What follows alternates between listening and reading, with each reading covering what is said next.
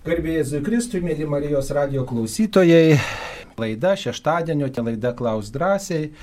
Šioje laidoje į klausimus pasistengs atsakinėti Kauno kunigų seminarijos rektorius, kunigas teologijos daktaras Ramūnas Norkus. Sveiki gyvi. Garbėjai Jėzui Kristui, mėly Marijos radio klausytojai. Taigi prie mikrofono esu ir aš kunigas Saulis Bužauskas. Jau yra kelios žinutės ir mes skubame į jas atsakyti.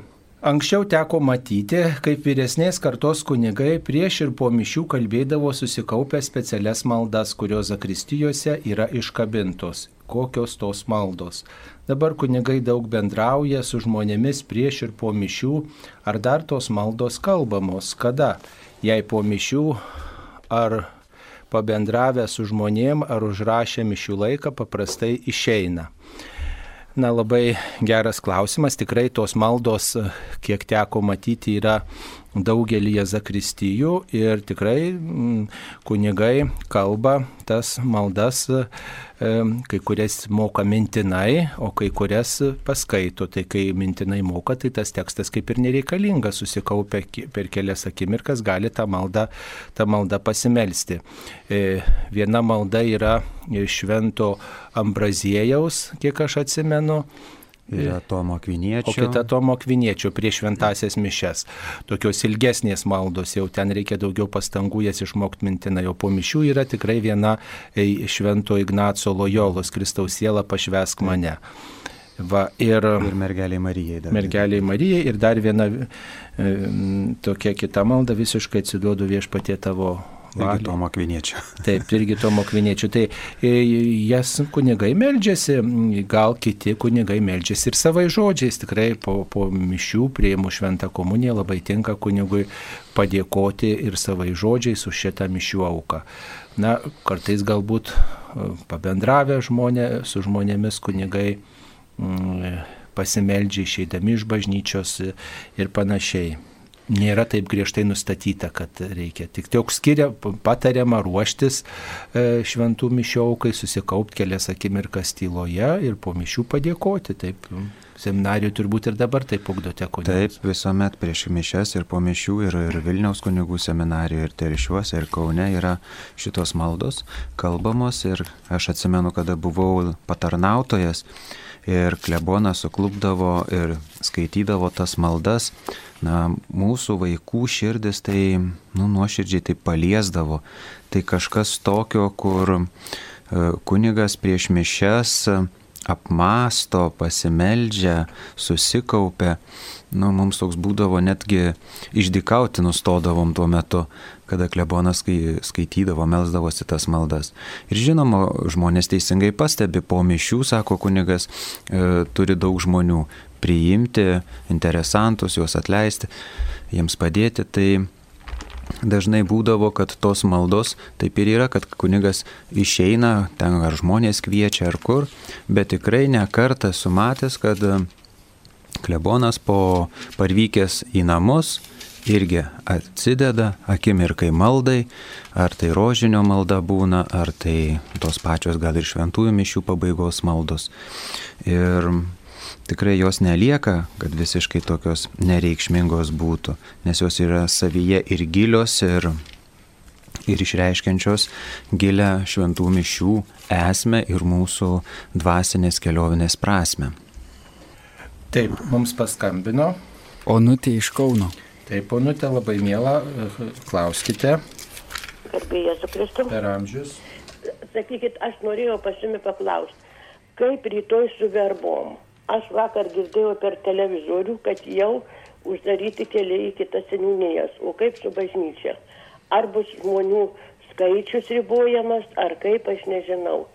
Nes turbūt, kad jau kitą savaitę irgi turbūt tą didįjį šeštadienį, sakom, tą didžiąją savaitę irgi bus jau žmonių ribojamas. Ir kažką minėjo, kad atseit nuotoliniu būdu mišiuos jau bus. Ačiū už jūsų rūpestį. Žinot, turbūt yra skirtinga ta mm, pandeminė situacija, užsikrėtimų skaičius visoje Lietuvoje labai skirtingas, skirtingai yra mieste, skirtingai yra kaime. Tai turbūt reikėtų, žinot, geriausiai pasiskambinti savo parapijos klebonui ir paklausti, kaip mes švesime verbas. E, jeigu jūs esat pasiskiepiję, tai turbūt viena situacija gali būti, jeigu ten mažai žmonių susirenka jūsų parapiją, tai, tai, tai jeigu jūs atstumus išlaikysite, tai vienaip, o jeigu daugiau paprastai susirenka jūsų bažnyčioje, bažnyčia labai maža, jeigu jūs sunkiai sergate ir dar nepasiskiepijote, arba sergate kitomis lygomis, tai, tai yra visiškai kita situacija. Tai, e, žinot, išmintinga turbūt na, tai pasitarti su savo parapijos vis dėlto klebonu ir, ir pasidomėti, kokia tvarka yra. E, va, ir, ir tuomet na, priimsite sprendimą, kaip jūs darysite. Bet jeigu, pavyzdžiui, nedalyvautumėte, tai dėl šitos situacijos nebus e, sunkios nuodėmės. Nebus sunkios nuodėmės, tik reikia turbūt stebėti ar klausytis per Marijos radiją e, transliuojamų šventųjų mišių arba kitais informacijos kanalais, žodžiu, jungtis į šventųjų šventų mišių maldą.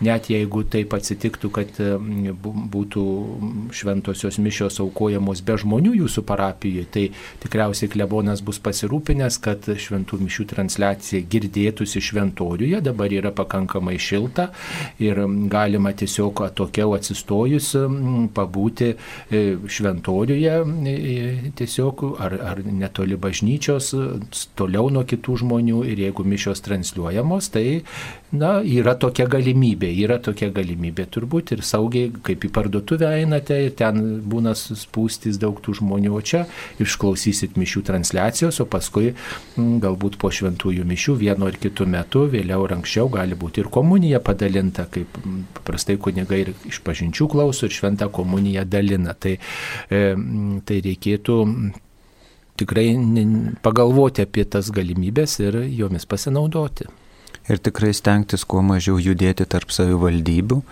nes e, žinome, kad e, dabar jau vyriausybės yra nuspręsta e, riboti judėjimą tarp savivaldybių ir tikrai, kaip sakė kunigas Saulis, geriausia yra pasiskambinti klebono ir jisai aiškiausiai žino situaciją, nes apie tą situaciją komunikuoja ir biskupijų kūrijos, ir įvairiausios um, nurodymus suduoda, kaip elgtis per visas šias um, dienas, kurios mums yra labai svarbios.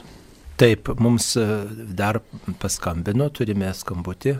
Paskambino Janina iš Utenos. Taip, Janina, klauskite, jūs eterija. Garbėjai Zikrai. Per amžius. Prašau paaiškinti, kokiomis nuodėmėmis nusikalstama prieš šventąją dvasę ir ar jos atleidžiamos. Ačiū studiją. Na, ačiū Jums, labai dažnas klausimas, kokiomis nuodėmėmis. Tai Jeigu aš atmetu Dievo gailestingumą, jeigu aš atmetu tikėjimą kaip galimybę įsigelbėti, jeigu aš atmetu e, Dievo darbą, Dievo išgelbėjimo darbą kaip po tokį, tai, žinot, tikėjimas yra šventosios dvasios darbas mumise. Šventoji dvasia paskatina ištarti Jėzus yra viešpats. Myliu Jėzų, garbinu tave viešpatį Jėzau, pasilgau tavęs Jėzau, padėk man Jėzau, tikiu tavim Jėzau. Jeigu aš vat maldoju, taip ištariu ir į Jėzų žvelgiu su pagarba, tai tikrai mane šventoji dvasia yra paskatinus, bet jeigu aš tokią galimybę atmetu, tam priešinuosi, tai ir bus tas užkietinimas širdies, kuris, reiškia, na, nuo žmogaus priklauso ir, ir, ir Dievas jisai laukia, kol žmogus vis dėlto savo širdį atvers ir, ir kol žmogus netveria, Dievas to atleidimo negali padovanoti. Kitaip sakant, žmogus to atleidimo tiesiog negali priimti. Taip, čia yra labai svarbi laisva žmogaus valia, kur laisvai žmogus laisvai neverčiamas, bet laisvai atsisako garbinti Dievą ir pripažinti jo dievystę. Ir viešpats, aišku, jisai veikia mūsų širdyje tyliai ir labai švelniai, ragindamas sugrįžti, bet visuomet tai turės būti laisvas žmogaus aktas sugrįžti prie viešpaties Dievo nuo širdžiai atsiprašant. Ir štai viena žinutė tokia kurioje štai toks klausimas užrašyta. Kaip išlaikyti tikėjimą ir viltį karantino metu? melstis taip, kaip mokate. Melstis taip, kaip mokate ir prisiminti, kad pasaulio istorijoje, žmonijos istorijoje e, buvo įvairiausių marų, karų, badų, vargo visokio žmonės štai į Sibirą buvo išvežti, visko buvo netekę, tai dar baisiau negu kad dabartinė pandemija, kad mes dabar galim susisiekti, galim laisvai jaustis, galim naudotis informaciminėmis priemonėmis, galim vis tiek saugiai būti savo namuose, o tuo metu žmonės niekur nesijautė saugiai, visko neteko ir artimųjų, ir duonos kasnio, ir, ir sunkiom sąlygom gyveno, ir, ir lygom sunkiom sirgo, ir užkrečiamom lygom sirgo, ir, ir negalėjo savo tėviniai būti, tai, žinot, dar baisesnė, baisesnė situacijos buvo ir, ir žmonės nepalūžo, gėdojo giesmės, prisiminė, kad Dievas net ir ten yra ir kad Dievas yra tai, ko žmogaus negalima atimti. Tai tiesiog pasirinkim tikėti, kas bebūtų, viešpats yra su mumis ir mes mm, atmesim nuodėmę, atmesim priešiškumą, mes tikrai broliškai stengsimės sutarti, gerą linkėti kitiems ir, ir, ir, ir, ir laukti, ilgėtis viešpaties artumo. Svarbiausia, neįsileisti nuodėmės į savo širdį. Ir esame iš tikrųjų palaiminta karta, nes prieš šimtą metų buvusi pandemija tai net nesuteikė tokios galimybės dalyvauti nuotoliniu būdu šventose mišiuose, klausyti radio, padrasinančio žodžio. Irgi žmonės buvo izoliuoti ir, ir nebuvo leidžiama jiems išeiti iš savo namų. Tai šis laikas yra tikrai Dievo palaimintas ta prasme, kad mes nesam atskirti, mes galim pasiskambinti, mes galim klausyti radio, internetu, stebėti šventąją mišių auką. Tai tikrai Dievas te laimina ir dabar, ir šiuo metu, tik nenusiminkime. Su viešpačiu tikrai mes galime nugalėti net ir mūsų e, nusiminimus, liūdėsius. Tikrai tik įprasminkint maldą. Nesimelskime tik tai šiaip dėl to, kad melžiuosi, bet įprasminkim. Ir žmonėms yra sunku, ir, ir šeimoms yra sunku, ir, ir, ir tie, kurie serga, ir tiems yra sunku, ir tiems, kurie juos slaugo, pervarksta, pavarksta. Štai mūsų malda tikrai gali būti labai prasminga. Taip, mums paskambino Elena iš Vilniaus. Taip, Elena, klauskite, jūs esate per amžius. E, sakykit, prašau, ar seneliai gali būti krikštatėviais anūkiai? Nu tikriausiai, kad ne, e, nes matot, e, seneliai jau ir taip yra giminės, e, jie ir taip yra giminės, tai čia krikštatėviai yra tie, kurie vertybinį klausimų, tikėjimo klausimų pavaduoja tėvus ir palydi žmogų visą gyvenimą vienai par kitaip. Tai turėtų būti arba tėvų amžiaus, arba jaunesni, vyresni žmonės, paprastai, na,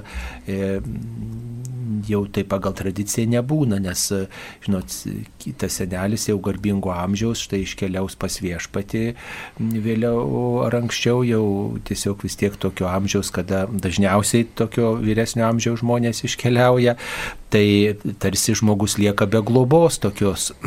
Va, ir, ir kai yra jaunesnis, tai ta, ta globa tokia, jie, jie dėmesys, draugystė tą žmogų palydį, tai geriau parinkti mm, kitą giminaitį arba tą žmogų, kuris štai laikosi krikščioniško tikėjimo, kad ir negiminė jums, bet, bet jūsų pažįstamas iš bendruomenės, iš parapijos, iš kaimynų galbūt. E, ir, ir tokios praktikos laikytis. Pagal kanonų teisę gali būti tik vienas krikštatėvis, nebūtinai du, gali būti vienas, bet jeigu yra du, tai yra jau puiku. Dažniausiai e, vyras ir moteris vienos šeimos nariai prieėmė krikšto sutvirtinimo Eucharistijos sakramentus ir jie yra tokio pavyzdingo krikščioniško gyvenimo žmonės. O jeigu yra vienas krikštatėvis, tai irgi bažnyčia krikštyje tokį ir pakanka vieno krikštatėvio. Gali būti keli krikštatėviai, tai tada jeigu kokių sąlygų netitinka, štai kokias bažnyčia yra nustačiusi, tai tada būna, bus krikšto liudininkas, bet pakanka vieno, jeigu jums sunku atrasti tinkamą kandidatą. Dar turime vieną skambutį. Paskambino bronė iš Baisiogalos. Taip, bronė, klauskite. Garbėjai Zukristai. Per amžius. Norėjau paklausti, jeigu nėra užprašytų mišių ir jokios intencijos nepasako, laikydamas klebonas mišes. Taip. O kaip tada, ką daryti mums, reikia savo kokią intenciją sakyti, čia Ne, nežinau kaip čia. Nu tai matot, e, mišios yra Kristaus aukos sudabartinimas ir taškas. Jeigu ten paprašyta pasimelsti mišių aukoj, prisimenant, švenčiant, sudabartinant Kristaus įvykį už kažką, tai, na, prisimename tie žmonės, tačiau kiekvienose mišiose kunigas meldžiasi už mirusius e, ir, ir kiekviename mišių tekste yra tam tikra vieta, kur kunigas sako, prisimink viešpatie mirusius vienais ar kitais žodžiais. E, va, ir taip pat už gyvuosius, tai yra visuotinė malda, kur visokie prašymai, tai išsakomi, tai jūs bet kuriuo atveju štai dalyvaujat mišiose ir galite suskirstyti sekmadienį, štai pirmą mėnesio sekmadienį melžiuosi už savo šeimą, už savo giminės vaikus, anūkus, antrą sekmadienį melžiuosi už, už kaimynus, dar kitą ten melžiuosi už, už pasaulio reikalus, už bažnyčios reikalus, dar kažkada melžiuosi, kad tikrai mūsų bažnyčia gyvuotų ir, ir, ir tikrai palaikau popiežių, vyskupus, kunigus ir kad pasauliečiai būtų aktyvus. Nu, vat, savo sugalvoti intenciją galima. Vat, ir, ir tada ta malda tokia karštesnė, jeigu aš sudarau sąrašą ir štai tomis intencijomis melžiuosi, kokios yra. O kunigas, jeigu nėra intencijos, galbūt jisai melžiasi savo intenciją už parapiją Galbūt e, jis e, meldžiasi padėkos intenciją, na, mišios e, nebūtinai turi būti kažkokia intencija aukojamos. Tai svarbiausia jų intencija yra sudabartinti Kristaus auką, su dabar, dabar išgyventi tai, kas vyko ant Kalvarijos kalno. Va. Ir kad ten yra ar nėra intencija, tai čia nėra pats svarbiausias dalykas. Ar jį pasakoma ar nepasakoma, tai jau yra e, vėlgi kunigo ir mm, to, tų žmonių, kurie užprašė mišęs intenciją. Kartai žmonės prašo, prisiminkit mus kunigė, nebūtina sakyti, bet va, nu, kai mišęs aukosit, prisiminkite tiesiog. Va. Ir kunigas va, turi širdį tą intenciją už tą žmogų, gal ten labai subtilus reikalas, gal ten ten na, nenori, kad kažkas ten subtiliai išaiškėtų ar panašiai, tai tiesiog žmogui rūpi, pasakė kunigui, kunigas ir meldžiasi ir viskas. Ir, o jūs irgi melskitės savomis intencijomis. Va, dažniausiai, kaip tie vardai vardinami, mes nei pažįstam tų žmonių, nei žinom, bet va štai meldžiasi užmirusius gyvuosius ir aš turiu savo šeimoje tokių va žmonių, prisimenu juos ir, ir tikrai tai yra, tai yra bendra malda ir, ir neturi sienų, neturi ribų. Dar vienas klausimas, į kurį to jau pat atsakysime, tai yra apie Vatikano radiją lietuvių kalba praneštas pranešimas, kad šių metų rugsėjo mėnesį popiežius ketina lankytis e, kongrese Budapešte, koks tai kongresas ir kiek e, su juo bus susijusi Lietuvos katalikų bažnyčia. Na tai iš tikrųjų e, Budapešte, tai yra Vengrijos teritorija, rugsėjo pabaigoje vyks tarptautinis Eucharistinis kongresas ir e, nu, laukia Vengrijos bažnyčia, kad to, tame susitikime dalyvaus ir popiežius Pranciškus. Tačiau žinom, kokia yra pasaulinė situacija, neaišku, kaip čia klostysis tie pandemijos reikalai ir, ir kaip čia viskas pasisuks, tai e, sunku planuoti turbūt, bet e, tikrai yra yra, yra to, to, tokia šventė organizuojama visuotiniai bažnyčiai, o jeigu bus galimybės, tikriausiai ir Lietuvos viskupų ar delegacija ar atstovas dalyvaus ir taip pat bus apie tai kalbama ir plačiau. Ir, ir galbūt ir jeigu bus galimybės keliauti, gal dalyvaus ir kažkas iš šeimų, iš kunigų šiek tiek daugiau. Tai čia tas, tas, tas kongresas, to išventė rengiama pirmiausiai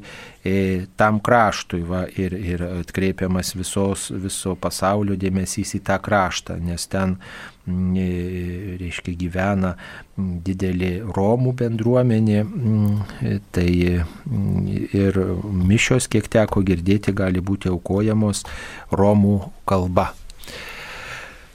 Taip pat ir pats e, Vengrijos e, kardinolas, kuris buvo irgi atvykęs ir į Lietuvą atstovauti popiežių, irgi sakome, sako, kad esame tikri, kad švento tėvo atvykimas bus didžiulė parama ir dvasinis pastiprinimas mums ir visiems Eucharistinio kongreso dalyviams.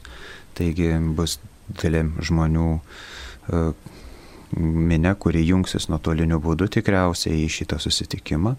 Ir tie, kurie yra Eucharistinio kongreso dalyviais, tai yra adoruojantis švenčiausiai mes sakramente esantį Jėzų.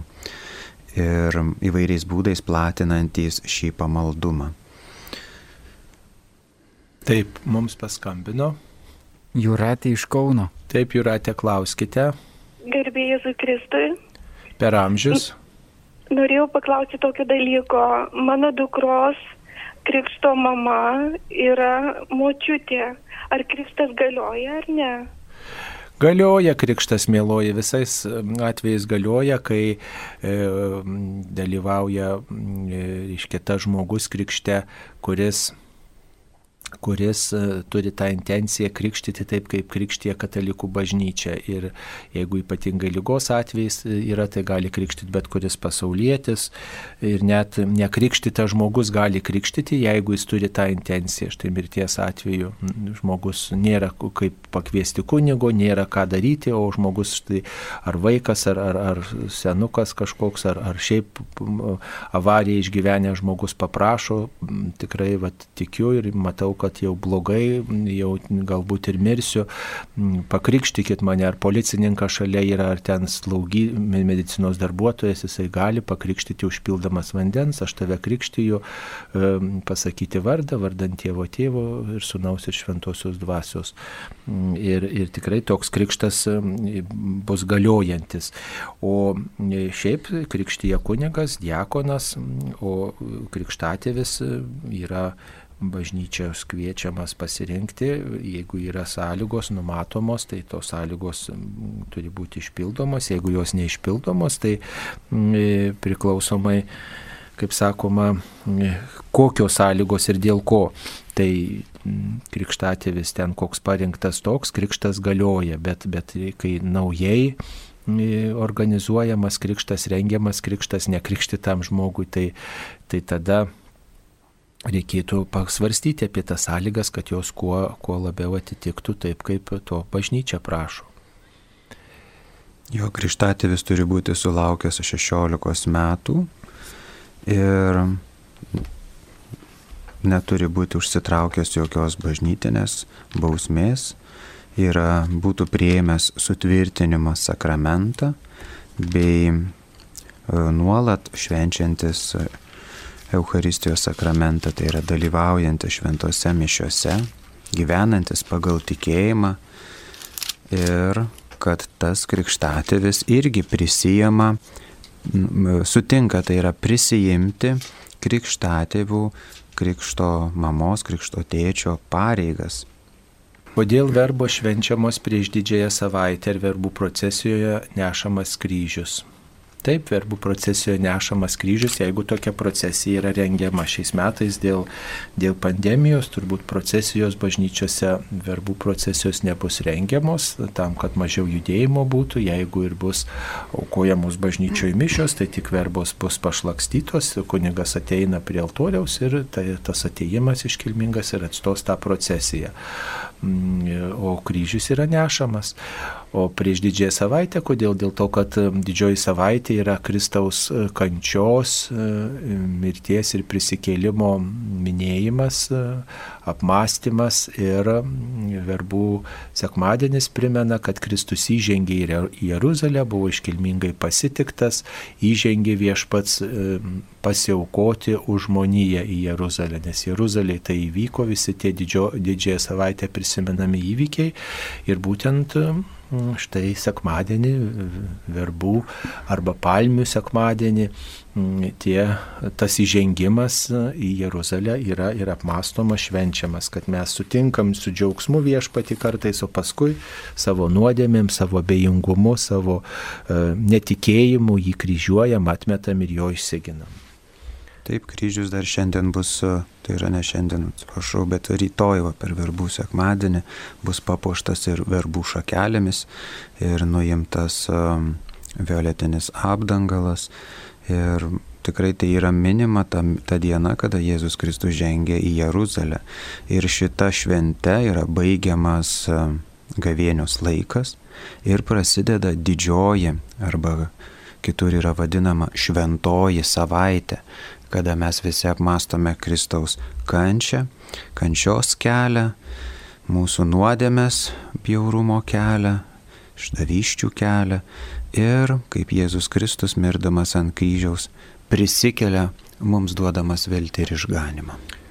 Taip. um, Senovėje žmonės mokėjo valdyti gamtos jėgas, tačiau krikščionys šito nemokėjo. Ar gamtos jėgų valdymas būtinai yra susijęs su piktosiomis dvasiomis?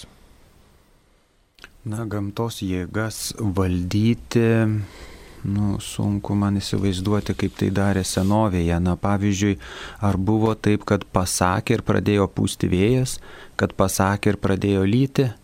Jie gal mokėjo nuspėti, kas bus, kokie debesis renkas, kokie vėjai ar e, kokios negandos pareina.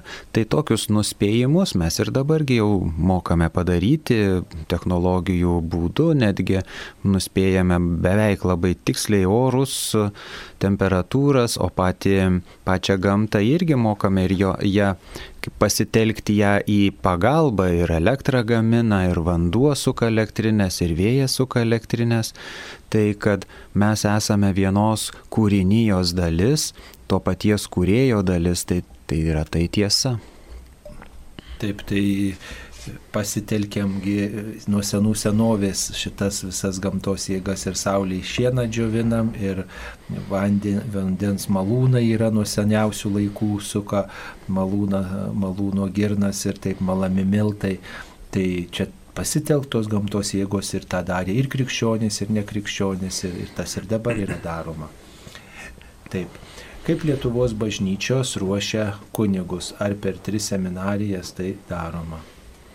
Taip yra šiuo metu popiežiaus paprašyta ir suskirstyta į tokias tris etapus, kad klierikai, kurie ruošiasi kunigystėj, turėtų pasirengiamąjį momentą, tai yra propedeutinius metus, tokį, kur dar jie nėra, e, nenešioja jokių kunigiškų ženklų ir atėję yra apsvarstyti savo pašaukimą. Po to yra antrasis etapas, tai yra antrieji ir tretieji metai kunigų seminarijoje, tai yra mokinystės metai. Mokinasi, mokinamės būti su Jėzumi mokinamės iš Jėzaus. Ir e, likusieji mokslo metai yra vadinami su panašėjimu su Jėzumi ir liudijimo metais. Tais metais klierikai jau gauna kunigišką į rūbą, vadinamą sutaną, jau jie gali nešioti ir kunigus išskirianti baltą ženklą, tai vadinama koloratkė. Ir jie yra jau liudininkai ir mokiniai, e, kurie neša e, Jėzaus žinę, po truputį stengiasi ją gyventi ir liudyti žmonėms. Tai ta, tie trys etapai Lietuvoje yra išskirstyti į tris netgi tris atskirus miestus - į Telšius, į Kauną ir į Vilnių. Taigi būsimieji kunigai turės nacionalinį žvilgsnį ir į pamaldumo praktikas, ir į įvairiausius ypatumus, kuriuos sutinka viename, vienoje ar kitoje seminarijoje. Popiežius išleido šitą patvarkymą, trokšdamas, kad kuo labiau kiekvienas susivienytumėme su Jėzumi, kad dėl jo gyventumėm, kad jį suprastume e, iš įvairiausių gyvenimo etapų, jį apmastytume, e, jo savybės perprastume ir tikrai tas išliktų toks gilus tikrumas, kas vyksta Euharistijoje ir dėl ko mes esame šitoje kunigystėje. Ar dėl kažkokių asmeninių laimėjimų, asmeninių dalykų, ar tiesiog kažkaip dievų pasinaudoja, tarsi gyvenimą susitvarkytume. Tai ne. Taigi visi tie trys etapai jie veda į tą tikslą, kad būti su Jėzumi ir už Jėzų gyvenantis ir nešantis tą Evangeliją. Šiuo metu tai yra tokia mintis. tai niekas jos e, nekvestionuoja, gal čia nėra gal pati geriausia, gal kažkam kyla kokia mintis dar geresnė, gal jinai bus ir vėliau kitokia, bet šiuo metu tai pasaulio kunigų seminarijos va panašių stiliumi persitvarkinėja. Taip pat va mūsų kaimynai Baltarusijoje irgi viena iš seminarijų yra tapusi e, propedeutinio kurso parengiamuoju e, momentu, kita yra tapusi tuo antruoju mokinystės etapu ir e, Minskė, jeigu net klystu, yra toji seminarija, kuri, kaip ir Vilniuje, apkabina tos paskutiniuosius pasirengimo metus kunigystėje. Taip, mums paskambino. Algis iš Kauno. Taip, Algi, klauskite.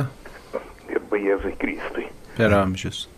Aš esu augęs prie soboro. Ir anksčiau būdavo jis sakydavo, kad soborą nelanko, nėra žmonių. Aš pasakysiu jums tikrai, bažnyčios soborė buvo pilna žmonių ir iškilmės buvo labai tokios malonios. Išeit, išeidavai iš bažnyčios, tai groja, reiškia, e, e, nu, e, vargonai, bet tokia gražia melodija ir taip garsiai išeini iš bažnyčios, kai atrodo kažkur išėjęs iš rojaus. O dabar šitą ceremoniją nebeatliekama, tai išeina žmonės tokie nusiminę, liūdni. O kodėlgi taip suprantate, ta apeiga yra dabar užmiršta. Ir antras dalykas dėl ostijos. Anksčiau būdavo, kad visą laiką, reiškia, nu, tokią malonų kvapą skleidžia, lyg būtų pušų, o dabar jau tą kvapą nebeskleidžiama ir, ir, ir sakydavo, kad jeigu epidemija, tai bažnyčia, kurie lanko žmonės, jie niekad, niekad nesusirga. Sakykite, ar čia yra teisybė? Na, kad žmonių būdavo daugiau, tai visoje Lietuvoje būdavo tikrai visose bažnyčiose daugiau tų žmonių kad e, dėl vargonų, muzikos ir palydėjimo tai tiesiog yra, na, tiesiog reikia kalbėti gal pačių klebonų ar tai vargonininkų, čia, nu, toks labai subjektivus dalykas, jisai yra įsprendžiamas tikrai paprastų, gražių pokalbių ar, ar, ar dar ko nors. O kad, kaip jūs kad sakote, dėl pušų kvapo, tai kai aš buvau dar patarnautojas, aš matydavau, kaip kunigai prieš šventas mišes tiesiog pilstelėdavo e, adekolono ant rankų, kad tikrai būtų rankos švarios, nes liečia švenčiausiąją ostiją ir dalina tikintiesiems. Tai tų, tų kvapų būdavo visokių, tai, tai gal iš to yra išlikę, bet pati ostija kaip ostija jinai savyje kvapų neturi. E, taip, tai e, ostija duona turėtų kvepėti tiesiog duonos kvapas. E, o vargonais kodėl negrojama, tai jūs paskambinkite į Gulos bažnyčią ir ten įsiaiškinsite, mes tiesiog nežinom, ar ten groja po mišių ar, ar prieš mišes e, groja ir girdi žmonės, e, būdami gatvėje ar panašiai. Tai tiesiog čia reikia derinti su tos parapijos klebonu ir tos parapijos rektorius ar klebonas tą tvarką nustato. Taip, ir yra įvairiausių niuansų, kodėl taip nėra, kurių mes nei žinom, nei, nei galim atsakyti šiuo metu. Taip, dar vienas klausimas, teko girdėti tokią seminaristo mintį, jei norėsiu, būsiu kunigu, jei nenorėsiu, nebūsiu. Kaip atpažinti jauno žmogaus pašaukimą, ar verta eiti į seminariją, jei abejoja? Na, toks pasakymas, jeigu norėsiu, būsiu kunigu. Žodžiu, jeigu žmogus tikrai iš pašaukimo trokšta būti kunigu, pasiaukoti šioje tarnystėje, tai matosi iš viso jo elgesio, kalbos, studijų troškimo, bendravimo su žmonėmis. Tai atsispindi. Jeigu tas aš norėsiu ir būsiu kunigu, tai reiškia, kad aš apsimesiu kažkuo ir vis tiek sulauksiu kunigystės, na šiais laikais jau nebėra taip paprasta padaryti, nes yra migruojama iš vienos seminarijos į kitą. Jeigu netyčia taip susiklostytų, kad kokia tai simpatija gal kipt, užgimtų tarp vadovybės ir to klieri, kuris labai gražiai čia apsimetinėtų, tai kitoje seminarijoje tikrai to nebus ir tikrai yra matomi tokie dalykai, nes vis tik yra septyni metai, septynis metus žaisti teatrą nelabai pavyksta. Ir tai nėra toji vieta, kur čia žaistum teatrą. Kodėl? Todėl, kad žmogus eina į tarnystę, kurioje pats savyje išsipildymą jaučia, pilnatvę jaučia. Jeigu nėra šito um, glaudaus ryšiaus, ryšio su Kristumi, tai tapęs kunigu visą gyvenimą tarsi vargsi darant kažką, kas na nėra palei tavo širdį, bet vad kažkam įrodžiau, kad aš galiu pasiekti kunigystę. O po to nutinka koks nors va išbandymas ir jau žiūrėk, norėtų kaip ir atsisakyti, o gali net ir atsisako kunigystės, tai tada yra skaudu ir tikintiesiems, ir tam pačiam žmogui nėra taip lengva palikti visą šią formaciją, kurią jis yra gavęs su nuoširdžiu vadovybės pasiaukojimo darbu. Taigi, nu, toks pasakymas, kad norėsiu tapsiu, norėsiu netapsiu, turi du polius. Jeigu tai norėsiu ir iš pašaukimo eisiu į seminariją, tai vadovybė tikrai nemaišys. Tikrai leis ir, ir, ir formuos ir padės, kad tik kuo geriau tas jaunuolis pasirenktų kunigystės tarnystėj. Bet jeigu jisai norės iš ambicijos, arba iš to, kad močiutė nori, arba todėl, kad ten kažkas jį apdovanos, jeigu jis pasieks, tai tikrai to niekam, niekam nelinkiu, nes tai yra tikrai labai gilūs sąžinės dalykai, širties dalykai, su kuriais tiesiog reikės gyventi visą gyvenimą ir, na, neduok Dieve, kad toks žmogutis ateitų tikrai iki kunigystės, nes ir darbas tada nebus mielas ir viską darys taip sukandęs dantis. Mums paskambino. Liongina iš Šiaulių rajono. Taip, Liongina, e, klauskite, jūs girdi visą Lietuvą.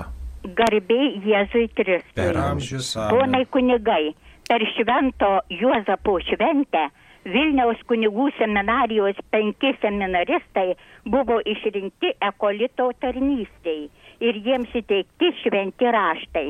Ką tai reiškia ekolito tarnystėj ir ką reiškia pats žodis ekolitas?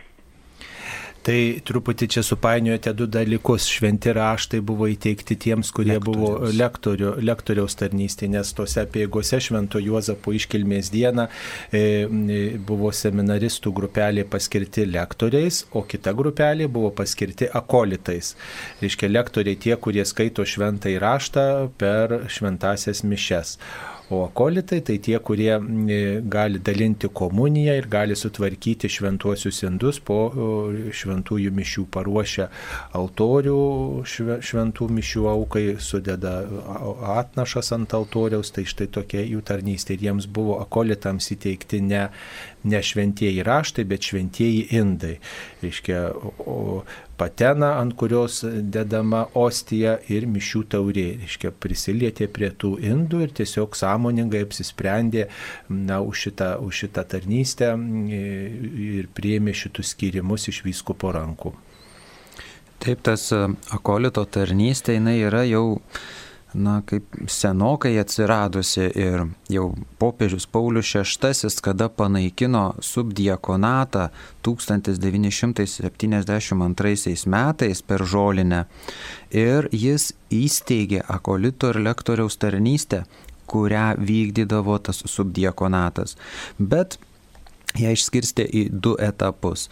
Tai yra lektorius gaunamas yra pirmiau, nes tai yra bendrystė su šventuoju raštu, kuris jau gali viešai skaityti šventąjį raštą ir tą šventą įraštą perduoti maldos kokiai grupeliai, paaiškinti gal kažką. Žinoma, tai nebus biblisto aiškinimas, kunigo aiškinimas, bet tiesiog paliudyti, ką man kalba šios švento rašto eilutės. O akolitas tai yra tas, kuris yra padedantis diakonui šventųjų mešių metu. Jisai jo pašaukimas yra nešti kryžių ir, ir, ir su tyribuliu būti, smilkytuvų šalia. Ir ekstra atveju jisai gali dalinti šventąją komuniją tikintiesiems arba parapijoje prieš šventes, kada kunigas lanko žmonės ar tai ligoninėje esančius, išklauso išpažintis tikinčiųjų, tai akolitas gali po kiek tai laiko tiesiog lankyti tuos pačius žmonės ir atnešti jiems švenčiausiai sakramentą.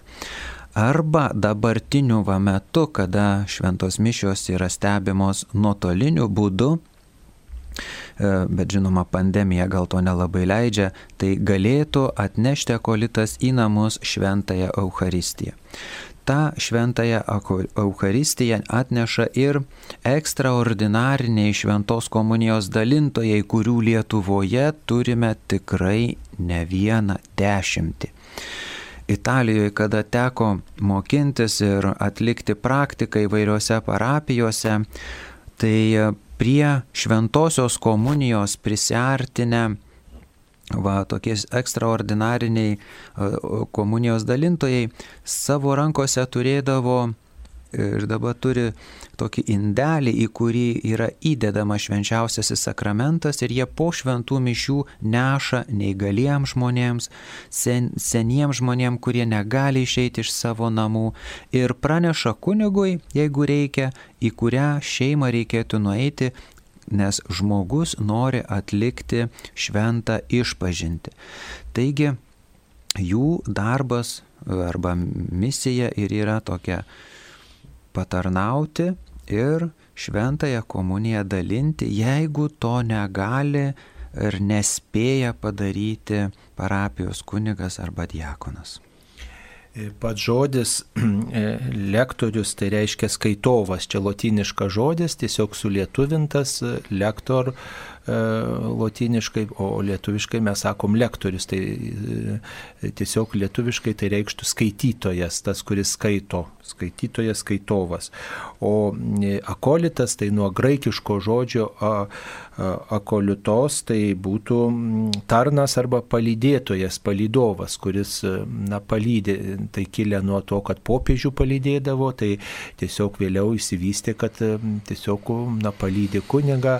E, šventose mišiose, patarnauja kunigui, paruošia altorių, vyskupui taip pat. E, na ir kai, kai reikalas yra, dalina šventąją komuniją. E, reiktų turbūt tą pačią progą priminti, kad popiežius Pranciškus šiais metais e, tokį laišką parašė Spiritus Dominė, kur, kuriame šitą galimybę būti lektoriu arba akolitu skiria ir pasauliečiams, ne tik vyrams, bet ir moteriams. Taigi jau dabar yra tokia praktika ir anksčiau buvo, kad, reiškia, skaito šventų rašto skaitinius ne tik vyrai, bet ir moteris, merginos. Tai nuo šiol popiežius tiesiog šitą dalyką įteisina, kad gali skaityti moteris šventą įraštą ir, ir tam, reiškia, tam tikros ir apėgos yra numatomos ir vyskupas tas apėgas gali parapijoje pravesti. Ir taip pat šventą komuniją, ypatingai ligonėms komuniją gali nešti pasauliečiai, nebūtinai kunigai, nebūtinai diakonai, bet ir pasauliečiai vyrai ir moterys, jeigu jie turi va, tą paskirimą. O tas, kas norėtų būti lektorium arba kolitu, tai reikėtų kreiptis į savo parapijos kleboną ir, ir šitas visas galimybės aptarti, bet mm, nuo šiol bažnyčioje tą daryti gali ir vyrai bei moteris, o, o, o anksčiau, reiškia, tai būdavo priskirta kadaise tik tai tiems pašvestiesiems asmenėms. Taip, dar viena žinutė yra klausimas apie knygą Evangelinė katalikybė, George Weigel knyga Evangelinė katalikybė. Ar joje dėstomos mintys yra priimtinos mūsų katalikų bažnyčiai? Tai taip, to, joje dėstomos mintys yra priimtinos katalikų bažnyčiai. Šios knygos autorius yra mm, Šventojo Jono Pauliaus antrojo biografas kuris parašė bent kelias knygas apie Šventą Joną Paulių II. Na, jis domisi politiniais, visuomeniniais mm, gyvenimo aspektais ir kaip krikščionių dalyvauti, būti aktyviam politiniam ir visuomeniniam gyvenime. Jo tokia sritis yra, jis e, gyvena Amerikoje ir šitoje knygoje Evangelinė katalikybė aprašoma kaip 21-ame amžiuje e, tiesiog bažnyčia atsigrėžė labiau į, į tuos laikus, kai E, gyveno pirmieji krikščionys, su kokia nuostata buvo e, gyvenama ir tiesiog atsigrėžė į šventojo rašto tiesas labiau ir šioje knygoje prašoma ir na, tas noras ir bažnyčios pastangos pasauliečius įtraukti į bažnyčios gyvenimą ir padaryti juos aktyvesnius. E, aptarta ir kunigystės reforma, ir antrasis Vatikano susirinkimas, ir sunkumai, iššūkiai, na, įvairūs taip pat ir e, intelektualinio gyvenimo iššūkiai, liturgijos e, šventimo iššūkiai. Į, į, į tiesiog taip šio laikiškai parašyta knyga ir, ir jinai tikrai tinka katalikui skaityti ir prisiminti tiesiog, kaip viskas vyko ir tiesiog vat, amerikiečių rašytojo akimis į tai pažvelgti ir pat, patiems pasvarstyti. Taip mums paskambino. Asta iš Kauno. Taip, Asta Kla, per amžius. E, čia buvo klausimas apie lektorių tarnystę. Taip. Tai aš norėjau paklausti, dėl kičiavimo turėčiau pastabų. Turbūt tenka tai pajusti, kad skaitomas tekstas pirmą kartą.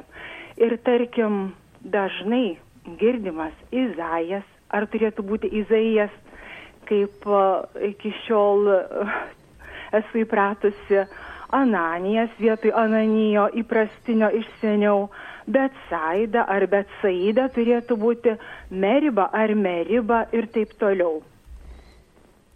A, tai čia mums egzaminą surengė, to jo, jo, jo. Tai, žinot, reikėtų paimti žodyną tiesiog ir, ir, ir pasižiūrėti. Dabar tikrai ne, ne, neimsime čia jums pasakyti, bet tikrai, e, tikrai jūs gerai svarstote, kad į kirčiavimą reikia atkreipti dėmesį. Matot, visi e, žodžiai, e, visi skaitiniai yra, yra sukirčiuoti ir pavadinimai, ir vietovardžiai skaitinių knygose. Tai, tai, tai tiesiog reikėtų pažiūrėti į skaitinių knygą. Čia po ranką dabar neturime kiekvieno to vietovardžio, bet Izaijas tikriausiai reikėtų kirčiuoti. Mm, Taip, šita lektoriaus tarnystė ir yra būtent tam skirta, kad skaitovas neišeitų skaityti teksto nepersiskaitęs, neapmastęs. Net kartais yra mokomi jie kontekstą suprasti, kuriame tai vyksta. Ir kada tokios, na, mini palydėjimas, toks tarsi studijos e, lektoriams yra duodamos, tada tikrai neiškyla tokių problemų dėl kirčiavimo arba vietovardžių sumaišymo. Kartais net neteisingai perskaityti skaito vieną ar kitą vardą ir kada ausis, na, kunigams, va, tikintiesiems įdėmiai besiklausantiems yra pripratus prie tam tikrų terminų, iš karto rėžia ausį. Todėl, kad bažnyčiose nebūtų paimama, kad, nu, Tai prieitų prie žmogaus, kur nors klebonas sakytų, ateik paskaityk skaitinį. Ta žmogus nei skaitęs, nei ką, jis bijo, dreba balsas, nėra taip lengva skaityti prieš visą bendruomenę. Ir tada nei tų kirčių pažiūri, nei nieko. Tai to išvengiant yra skiriami vat, akolitai, kurie atsideda tai tarnystei Jie yra persiskaitę, susipažinę su tekstu. O kaip pirmais, kad sakėme, kad vat, lektoriai, akolitų tarnystės, jos yra suteikiamos klerikams pirmą prieš diekonystę, o po to jau bus diakonos šventimai. Taip, ačiū Jums. E, jei žmogaus kapo dalis tapo takeliu, ar perlaidoti mirusįjį, ar taip ir palikti. Na tai aišku, jeigu mm, takelis ten yra, kur buvo kadaise kapavietė ir jūs puikiai žinote, nu, tai galima e, šalia, tos, šalia to takelio kokį atminimo ženklą palikti. Jeigu tas atminimo ženklas yra, na, tai matot, taip ir palikite, aš sakyčiau, matot, ten tiesiog kapinių žemė yra ir neįmanoma turbūt, ypač pausenas kapinės vaikščiojant, taip vaikščioti, kad neužminčiau ant kažkieno kapo ar, ar, ar, ar, ar tiesiog neužminčiau kažkieno palaidojimo vietos, kažkieno kaulelių ten užkastų prieš daugybę metų. Tai e, tiesiog tas kapinėse bereikia reikalo ten knaisioti tą žemę ir, ir ieškoti tų kaulų, tai turbūt nereikėtų, nes vis tiek visko ir nepaimsit visų ir perlaidodami į kitą vietą to žmogaus kaulelių, vis tiek kažkas lieka.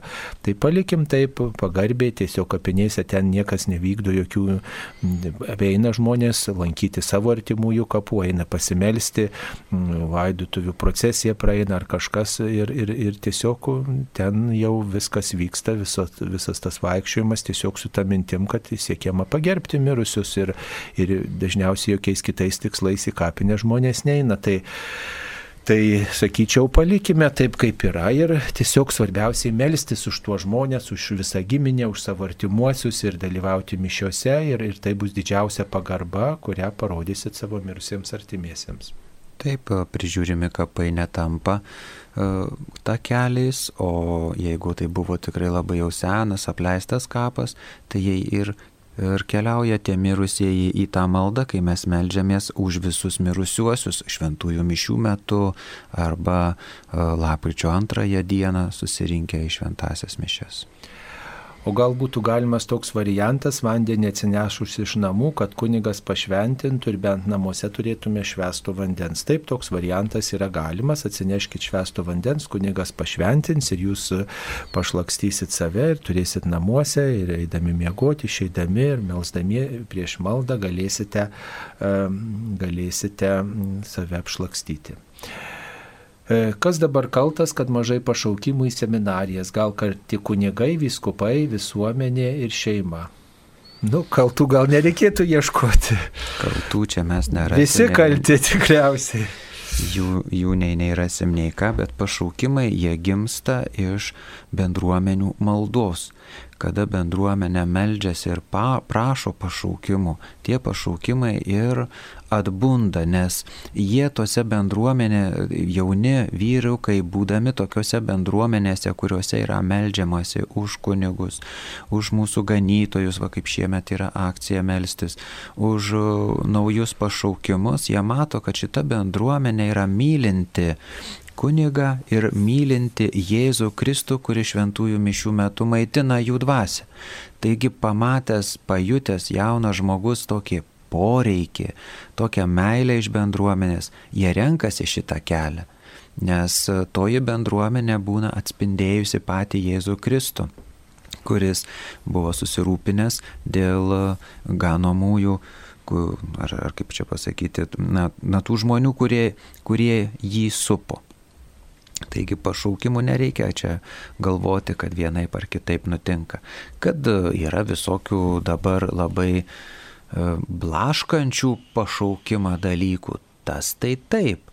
E, gali būti, kad ir, ir, ir ir tas jaunuolis gal buvo pagalvojęs, bet visai kitaip nuslydo tos mintis, nes neišgirdo žinios apie studijas seminarijoje, na pavyzdžiui, paskaitė mokykloje knygą altorių šešėlį. Ir jis mato, kaip ten sudėliotos studijos aprašomos, kad ten lotiniškai tarpusavyje kalbasi, kad e, seminariją baigia būna jauna labai um, eruditais dideliais ir mokytais žmonėmis. Tai ir dabar tokių studentų ateina jau vėlesnio, nu, tai yra vyresnio amžiaus ir liūdija tą patį. Tiesiog neįsivaizdavau aš tų studijų seminarijoje, baisiausiai jų bijojau, dėl to aš jau niekada nesirinkau, studijavau kitus dalykus, bet po to susipažinau su tokiu ar tai kunigu, ar tai klieriku, man papasakojo, aš pats atėjau per atvirų durų dienas 2-3 metus, na ir tada pats pabandžiau įstoti kunigų seminariją. Tai va, tų tokių visokių veiksnių jų yra pilna. Tai tiesiog geriausia akcija tai yra melstis ir prašyti viešpati, kad duotų darbininkų į vynogyną, kitaip sakant, kad duotų kunigų darbuotis ir tikinčiųjų sielas vesti į išganimą. Taip mums paskambino. Aurelija iš Panevižio. Taip, Aurelija, klauskite, veterija esate. Garbėjai Per amžius amen. Norėčiau paklausti. Išjunkit savo radio aparatą, mėloji, išjunkite savo radio aparatą. Supratau, supratau. Ar pernešta ugnelė nuo šventosios žvakės ant paprastos, ar ta paprasta žvakė įgauna tą pačią galę, ta ugnis Ne, ne, neįgauna tos pačios galios, neįgauna, taip trumpai atsakysime. E, Jeigu norite, kad būtų pašventinta jūsų žvakė, tai paprašykit kunigo, jisai sukalbės maldą ir pašventins jūsų žvakės. O štai pavyzdžiui, kai būna žva, ugnelė ten iš šventosios žemės atvežama per e, prieš kalėdas, sk- skautai šitą iniciatyvą iš Betlėjaus veža ugnį e, nuo Kristaus gimimo vietos į visą pasaulį, tai daugiau tokia, na, broliška, simbolinė akcija, va, bet jinai neturi tokios, kad va, štai pasidalinom, pašventinta ugnelė gali jinai ir užgesta mums nešant iš bažnyčios, bet tiesiog mes vat, dalyvaujam tokioj, tokioj vat, grandiniai ir, ir, ir, ir svarstom vat, tokią galimybę tik tai, bet tai nėra ta paš, tas perėjimas, kad vat, pam, uždegiau, prisidėgiau ir čia jau pašventinta. Tai tiesiog tokia e, ženklo funkcija, tokia, e, na taip, va, toks ženklas yra, bet neturi tos pašventinančios tokios prasmės. E, Taip, kaip švelniai patraukti 20 metų jaunimą Dievo link po pirmosios komunijos nutolo nuo bažnyčios? Na, tai turėkit vilties turbūt, kad jaunas žmogus atras savo kelią vieną dieną. Svarbu melstis už tą žmogų, vis dėlto siks nuo sikio priminti apie krikščionišką tikėjimą, švesti šventes, kartu melstis namuose, pakviesti į bendrą maldą, mm, galbūt pasakyti vaikui, kad aš už štai tave melžiuosi, aš tau prašau sveikatos, pagalbos e, ir tikrai man tu esi svarbus ir už tave pasimeldžiu ryte, vakare ir kaip mišiuose dalyvauju. Tiesiog vat, pasakyti, kad man tu rūpi ir aš tave maldą lydžiu. Na, švelniai pakviesti, jeigu matot, kad žmogus atsisako, turėkit kantrybės ir būkit šalia, parodykit artimo meilę. Na, žmogus pats turi pasirinkti turbūt sąmoningai krikščionišką tikėjimą. Ir tikrai tokius jaunuolius ar jaunuolės labai būtų gera kokiu tai nutaikius metu pakalbinti, kas nutiko, E, kodėl, ar kažkas pasijokė, ar kokį tai mokymą išgirdo, ar kažką klaidingai gal suprato, dėl ko taip įvyko. Na, aš turėjau tokį vieną praktiškai atvejį, kur e, močiutė atsivedė mergaitę į bažnyčią e, ir įeidama į bažnyčią jinai persižegnojo šventų vandeniu ir pabučiavo kryžių. Ir paprašė, kad mergaitė pabučiuotų irgi kryžių. Ir jin sako, ne, man močiutė čia nu negražu. Sako, turi pabučiuoti būtinai. Ir nepaaiškino, kodėl, nei kas tas kryžius. Tai ta moteris jau yra suaugusi ir sako, kunigė, man tokia trauma tada buvo, kad aš įeidama, žinokit, pamatau į bažnyčią tą kryžių, man nu, tiesiog šiurpai naina. Na ir va, ir kartais mes patys tikintieji per savo uolumą gal kažko nepaaiškinam, nepagrindžiam, arba patys nemokam net paaiškinti, darom todėl, kad taip visi daro, o kodėl mes tai darom. O tai čia ir esam pakviesti ir patys į tikėjimo žinių pagilinimą ir tikrai va tokiu paprastu būdu perduoti jaunimui, žinant ir suprantant, kuo jaunimas gyvena, kaip jis masto, kokios jo mintis yra.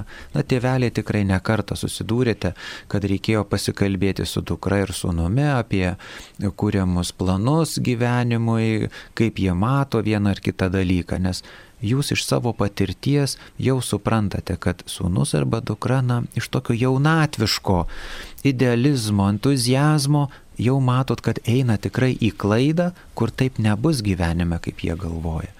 Tai va, lygiai tas pats yra ir su tikėjimu. Tikrai nebijokite, tėveliai, pasikalbėti kokią gerą progą nutaikę, tikrai ne per prievartą, ne su piktumu, bet, na taip draugiškai, kaip jūs, kad mokat tikrai kartais prapkalbinti gražiai savo vaikus ir dukteris. Dabar mes padarysime pertrauką, susitiksime po pertraukos. Ačiū visiems.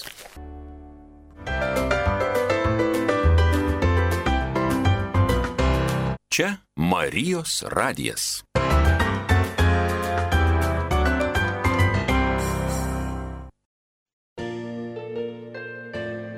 Gavėnios kelionė. Sustiprinkite savo širdis. Mintimis dalinasi Jo ekscelencija Telšių vyskupas Algirdas Jurevičius. Kovo 27 diena - šeštadienis. Nekartą girdėjome posakį - devynis kartus pamatuok, o dešimtą kirpk. Jis reiškia, kad didžiausi darbai gimsta visų pirma ne juos atliekant, bet gaunant tikrumą, kad tai, ką darome, yra teisinga. Panašus dėsnis galioja ir dvasinėme gyvenime. Veikla subrandinama ir patvirtinama pirmiausia maldos metu. Kai šventoji motina Teresė rengė vienuolino dienotvarkę, ji pirmiausia sudėliojo maldos laiką, o kiek liko, paskyrė tarnauti vargšams. Kartą viena seserų papriekaištavo, kad jei mažiau melstumėmės, galėtume daugiau patarnauti vargšams. Jei tau kyla tokia mintis, vadinasi mums reikia dar daugiau laiko skirti maldai, atsakė jai motina Teresė.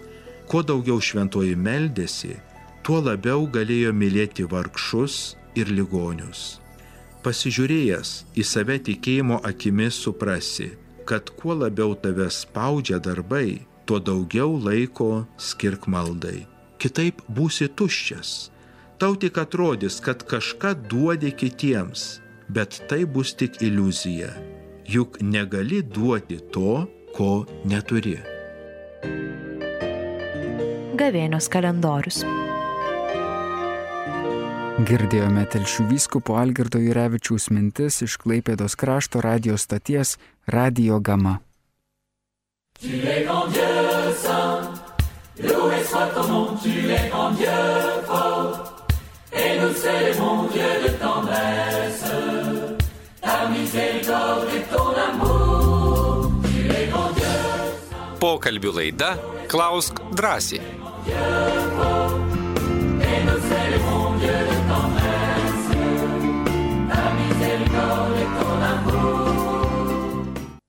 Tęsėme laidą po pertraukėlės Klaus drąsiai. Šitą laidą joje dalyvauja Kauno kunigų seminarijos rektorius, teologijos daktaras kunigas Ramūnas Norkus ir aš kunigas Saulis Bužauskas.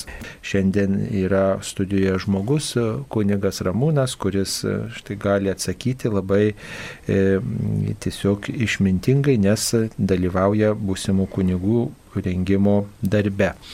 Ir štai toks klausimas, kiek Lietuvoje turim kunigų ir kiek yra įstojusių į kunigų seminariją. Taigi Lietuvoje 2021 metų duomenimis yra 687 viskup, viskupijoms priklausantis kunigai ir dar 100 kunigų vienuolių. Taigi dabar yra apie 785 kunigus Lietuvoje. Iškia, virš 700 kunigų, nes kai kurie yra sergantis, garbaus amžiaus, tai žodžiu tokia yra statistika kunigų, o seminarijoje studijuoja kiek kunigė ramūnai? Seminarijoje telšiuose šiuo metu yra 5 klerikai, pas mus Kaune yra 13 klerikų ir jeigu neklystų Vilniuje yra 29 kunigai klerikai besimokantis, besirengiantis kunigystai. Na va, tai, žodžiu, tokie, tokie yra statistika. Svarbu, kad visi žmonės būtų, būtų kaip sakoma, tinkamai pasirengę ir pasiektų e, tai, dėl ko atėjo į seminariją. E, dar viena žinutė ir melžiantis namuose ir klausantis trečią valandą transliacijos per Marijos radiją ir kartu kalbant Dievo gailestingumo vainikėlį suteikiami visuotiniai atlaidai. Visuotiniai atlaidai suteikiami mm, tam žmogui, kuris meldžiasi prie išstatyto arba tabernakulyje saugomo švenčiausio sakramento su kalba gailestingumo vainikėlį. E, ir ypač šie atlaidai suteikiami, mm, e, suteikiami vyresniems žmonėms, kurie negalėtų, net jeigu ir norėtų, mm, na, jungtis į aplankyti bažnyčią, pasimelsti prie švenčiausio sakramento, o mm, šiaip suteikiami e, kitiems žmonėms, kurie galėtų apsilankyti bažnyčioje ir pasimelsti, tai suteikiami daliniai atlaidai. Mm, taip. E, dirbu parduotuvėje daug metų, viena pirkėja šešių metų laikotarpyje nuo išdidžios ponios tampa prasigėrusią ponę nuo vieno vyno butelio, dabar jau perka į dieną tris ir mažą degtinės butelį, o kartais ir kelis kartus per dieną. Kaip galėčiau jai padėti, mes nesam artimai bendraujančios, kad soje jai negaliu skirti daug laiko. Sakyčiau, parašykit laišką, parašykit laišką ir paminėkit, kaip galima pakilti iš šito iš šito, iš šito liūno. Aišku, ten kalbėtis nėra nei laiko, nei, nei ten galimybių galbūt, bet jūs pagalvokite, pasitarkite gal e, su tai žmonėm, kurie galėtų suteikti jai pagalbą. Yra, pavyzdžiui, tokie anoniminiai alkoholikai, galit, pavyzdžiui, pasidomėti, kur yra artimiausi jūsų aplinkoje tie anoniminiai alkoholikai, kur yra veiksmingiausia pagalba tokia. Ir, ir taip pat kita gal pagalbos kokią sritį pažiūrėti, gal yra tie centrai tokie, kurie rūpinasi priklausomai žmonėmis jūsų aplinkoje. E, tai ir tada nurodyti kelis kontaktus, kad štai žmogau reikia vis dėlto nepasiduoti priklausomybė, jūs pa, pa, pa, to žmogaus privalumus kažkaip galbūt įvardinti, kad žmogus išmintingas ir, ir gali įsilavinęs ir, ir panašiai. Ir štai reikia gyvenime vis dėlto ir kitą kelią galbūt apsvarstyti. Tiesiog tokį laišką parašykit ir sakykit, čia jums va, štai laiškas, jeigu galite perskaitykite, pasimelskite už tą žmogų, nu, gal ir belsite į šitą, šitos ponios sąžinę, bet labai neturėkite daug vilties, nes pakilti iš priklausomybių yra labai labai sunku. E, mums paskambino. Angelė iš plungės. Taip, Angelė, klauskite. Garbėjai Kristui. Per amžius. Pirmiausia, noriu pasveikinti visą Marijos radio kolektyvą, visus tikinčiuosius, padėkoti visiems nuostabiems kunigams. Jeigu kas dabartinės pandemijos metu nesupranta, ką jie turi, aš norėčiau daugeliui, nu, daugeliu paprašyti, palinkėti, kad kiekvieno tikinčio pakrikštytojo namuose būtų kryžius. Nes kryžius yra pergalės ginklas, tik šiuo ženklu nugalėsi. O visiems tikintiesiems kunigams ir visiems tiems nuostabiems Marijos radio darbuotojams skaitau savo eilėraštį Švento kryžiaus paslaptis. Aš visur tavęs ieškojau, o šventykloje radau, suklupau prie tavo kojų, graudžiai, graudžiai pravirkau sutikau tave lik brolį, tarsi draugą sutikau, stipriai rankom apkabinus, dar karščiau aš pamilau. Buvo saulėtas gegužys, supos obelį žieduos, tavo iškankinto žvilgsnio nepamiršiu niekados. Aš tikiu, ar tu tikėsi, kad suradus meilę čia, neš tau viltį ir paguodą, tas svaiginanti kančia. 2000 metai sausio 8 plungė. Visiems gražių švenčių. Ir... Ačiū, ačiū Jums, ačiū. Ačiū labai už gražius žodžius. Ir štai apie Marijos radiją dar klausė vienas e, klausytojas ar klausytoja, kada turėsime naują Marijos radijos studiją. Taigi šiuo metu ten vyksta parengėmėjai darbai, jau pastatas pastatytas, jau montuojama yra aparatūra, e, e, kai kur jau yra ir reikalingi baldai, žodžiu, glaistomos sienos, jau tokie užbaigiamieji darbai, bet, žinot, aparatūros montavimas nėra taip jau kaip, žinot, padangas pakeisti. Tai yra didelis darbas, net ir sumontavus tą aparatūrą negalėsim tą pačią dieną sėsti ir viską, e, taip sakant, transliuoti. Reikia operatoriams visiems įsisavinti, kaip sakome, prisijaukinti, to, tą, mokėti valdyti, kad viskas dar nevyktų. Tai čia užtruks dar tikriausiai keletą mėnesių. Nenorėtume tikrai ryštis prie kažkokių konkrečių datų, bet jau vasarą tai tikriausiai jau visi tie darbai bus užbaigti. Aišku, dar lieka darbas e, sutvarkyti, taip sakant, teritoriją, kaip vadina gerbuvį, aplinką sutvarkyti, ne kad nereikėtų per e, purvą klampoti į naujai įroštą studiją ir taip pat įrengti iki galo koplyčią, pastatyti altorių, e, tabernakulį, suolus, na, jau yra ir baldai užsakyti, žodžiu. E, visi, kurie dar galite prisidėti prie Marijos radijų išlaikymo ir tolesnių darbų, tai maloniai kviečiame prisidėti. Ta galite daryti skambindami telefonu 1622 e, ir tai prisidėsite 5 e, eurų auką, o skambindami telefonu 1623 prisidėsite 10 eurų auką prie Marijos radio išlaikymo, gyvavimo ir naujosios studijos galutinio įrengimo. E, taigi ačiū, kad domitės ir palaikote įvairiais būdais Marijos radiją. Dar čia noriu klausti apie krikštą po krikšto peigų po kiek laiko sužinojau, kad krikšto tėvelis nebuvo prieimęs net pirmosios komunijos. Ar galioja toks krikštas? Taip, krikštas galioja, bet, nu, čia žinot, tiesiog aplaidumas artimųjų, jūsų krikšto tėvelio aplaidumas, kad jie taip atsainiai žiūri krikščionišką gyvenimą. Jeigu tik tokia sąlyga, tik toks vat, taisyklės pažeidimas, tai krikštas galioja, nebent būtų kitų tų sąlygų pažeidimo, kokios keliamos tų reikalavimų pažeidimas, pažeidimą, jeigu kiti yra, tai tada galima svarstyti, bet jeigu tik tiek, tai tada krikštas vis tiek galioja, bet vat, jūsų krikšto tėvelis vadinasi gal per daug aplaidžiai į tą krikščionišką gyvenimą vis dėlto pažvelgęs yra, tai belieka melstis ir, ir tada būti samoningesniais, kad mes nekartotume mūsų artimųjų klaidų. Dar e, panašus apie krikštą buvo klausimas. Taip, taip, taip, taip. Taip. E, esu katalikas, ar gali būti krikšto tėvų brolis mano vaikui, kuris yra evangelinės bažnyčios narys, jis man yra nuoširdaus ir gyvo tikėjimo pavyzdys. Ne, negali, e, nes jūs krikšto per krikštą žmogus yra įtraukiamas į katalikų bažnyčios narius tampa katalikų bažnyčios nariu, gali būti tik tai liudytojų, liudytojų. Reikėtų katalikų bažnyčios narį parinkti, kuris būtų jums nuoširdaus ir gyvo tikėjimo pavyzdys. Va, jeigu taip norite. Taip, mums paskambino. Paskambino Elena iš Vilniaus. Taip. Ir paprašė, krikšti kuo greičiausiai vaikus negimusius, padėkit dar man krikščit vaikus tos. Ir išnyko man iš kambario.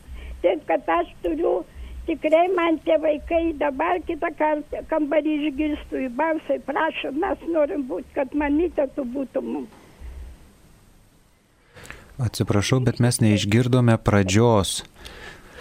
Na tai tikriausiai čia kalbat apie negimusius vaikelius, taip supratau, kuriuos, kuriuos, kuriuos reikėtų pakrikštyti. Vis dėlto krikštas teikiamas gimusiems vaikeliams, negimusieji vaikeliai nėra krikštyjami. Tai jau būtų ne katalikų bažnyčios mokymas e, ir ne krikščionių netgi mokymas krikštyti negimusius vaikelius. Tiesiog mes melskimės už tuos žmonės, e, malda lydėkime, apgaubkime malda tuos žmonės, kurie dėl kurių kalties tie vaikeliai negimė ir tuos vaikelius palydėkime maldą, o, o krikštyti ar kažkokias apėgas renkti tikrai, tikrai nereikėtų, nes tai nebūtų pagal katalikų bažnyčios mintį.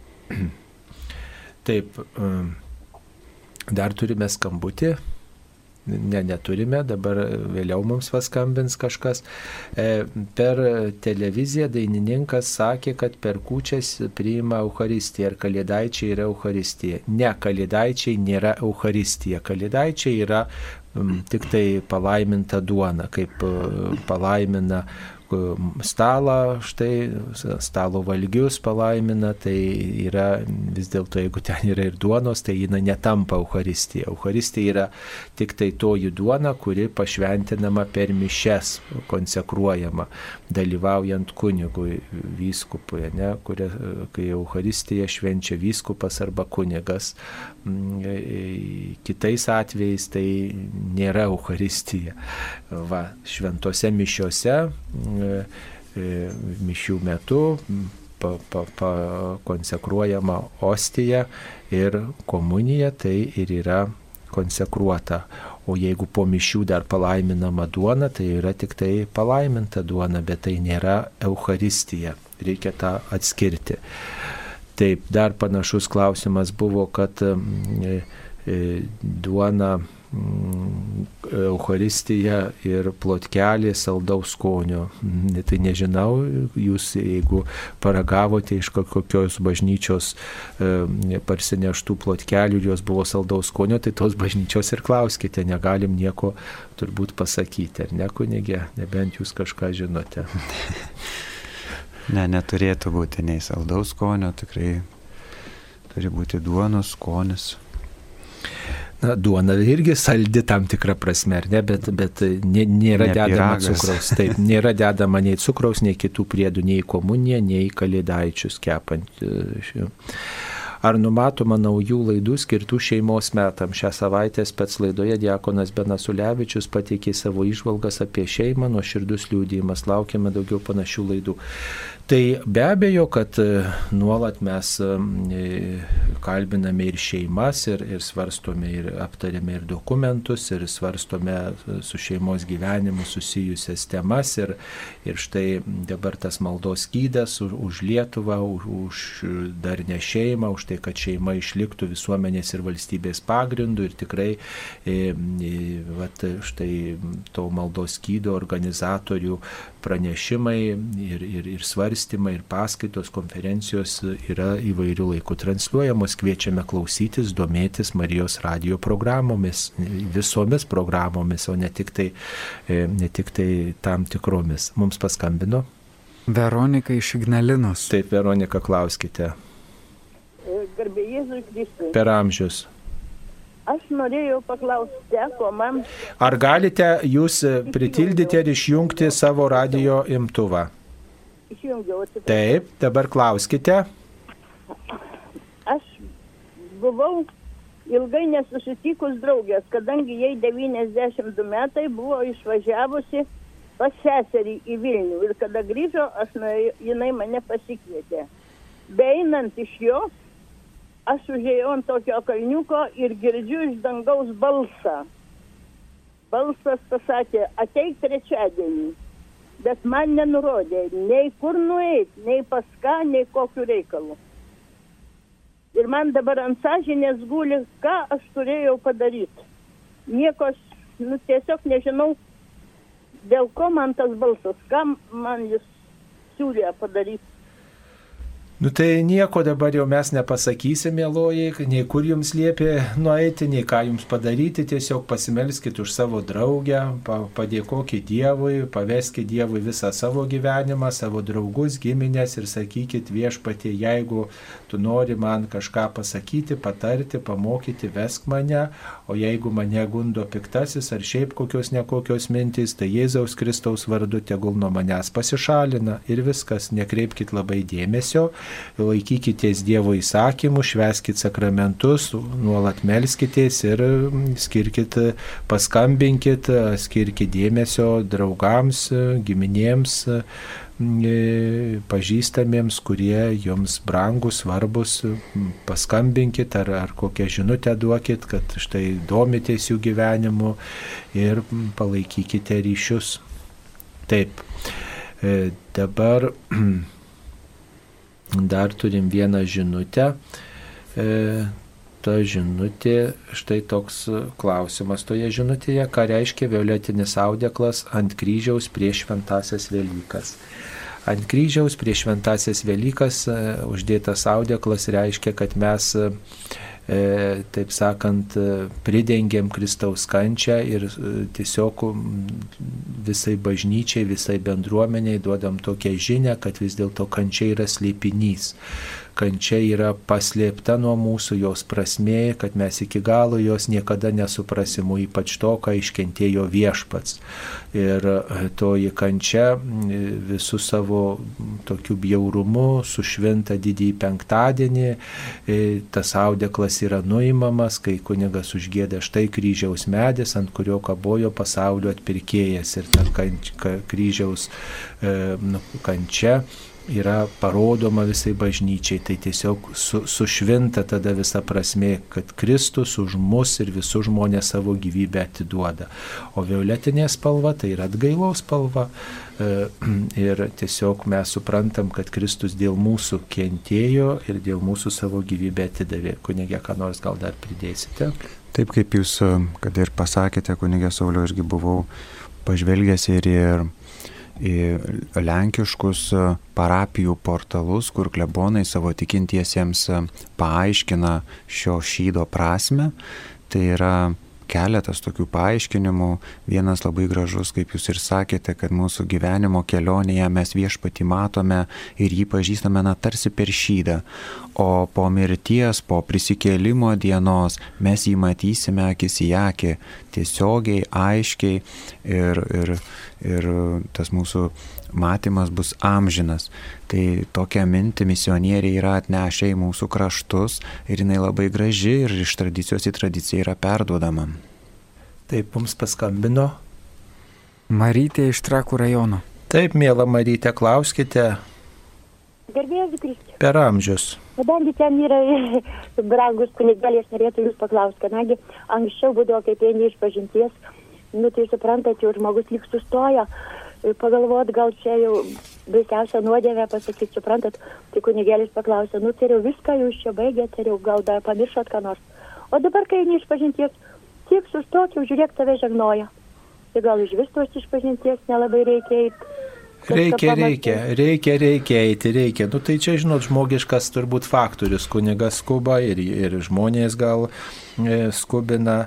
Tai svarbiausia, kad jūs pasakėt nuodėmės, kad kunigas teikia išrišimą, jūs palaimina ir taip pat gal skiria atgailą ir jeigu skiria kokį pamokymą, tai verta jį apsvarstyti o ten tos formos ar ilgiau ar trumpiau, tai čia priklauso ir nuo kunigo, ir nuo žmogaus, ir nuo daugelio tokių dalykų. Jeigu šaltoj bažnyčioje, žinot, niekas nenori ten tų pamokymų ir ypatingai dabar, kai yra, reiškia, tas artimas kontaktas toks, na, rizikingas, tai, tai tiesiog ir kunigas gal labai nesi, tiesiog nesileidžia į tos ilgus pokalbius, tai mm, tiesiog reikia visus tos faktorius įvertinti, o jeigu jums stinga dar kažkokio tokio patarimo, na tai na, galite susirasti nuodėmklausį, pas kurį eisite pastoviai ir kuris mhm. skirs laiko jums.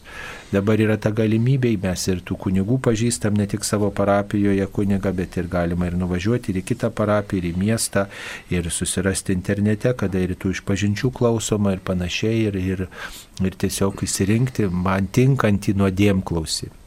Tik tai neužkėtinkim savo širdies, kad maždaug, ai, tai čia ant vieno užsiroviau, kaip sakoma, kabutėse, mhm. kad jau ten greitosiomis ar, ar numojo ranka, nu tai jau čia jie visi tokie ir niekada nebeisiu. Tai e, lengvai netiduokit tikėjimo ir, ir, ir sakramentų praktikos.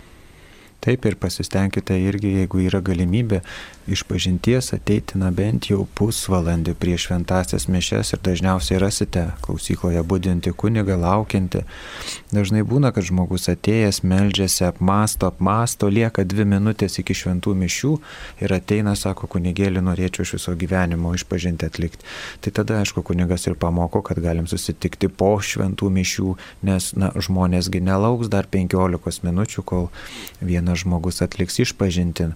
Iš kitos pusės galima irgi argumentuoti, kad dėl vienos avelės reikia daug kovoti, bet tiesiog tame visame reikia turėti ir išminties ir tikrai pasirinkti tam laiką, tada neskubant, tada ir kunigas įdėmesnis yra, o tikrai kaip kunigas Saulis atsakė Marijos radio direktorius, dabar yra pandemija ir tikrai neskubėkite nuteisti kunigo arba kažkaip jį kitaip pat, nu, atmesti arba net išpažinti. Tikrai to nedarykite. Tai per daug brangus dalykas - išpažintis ir šventoji komunija.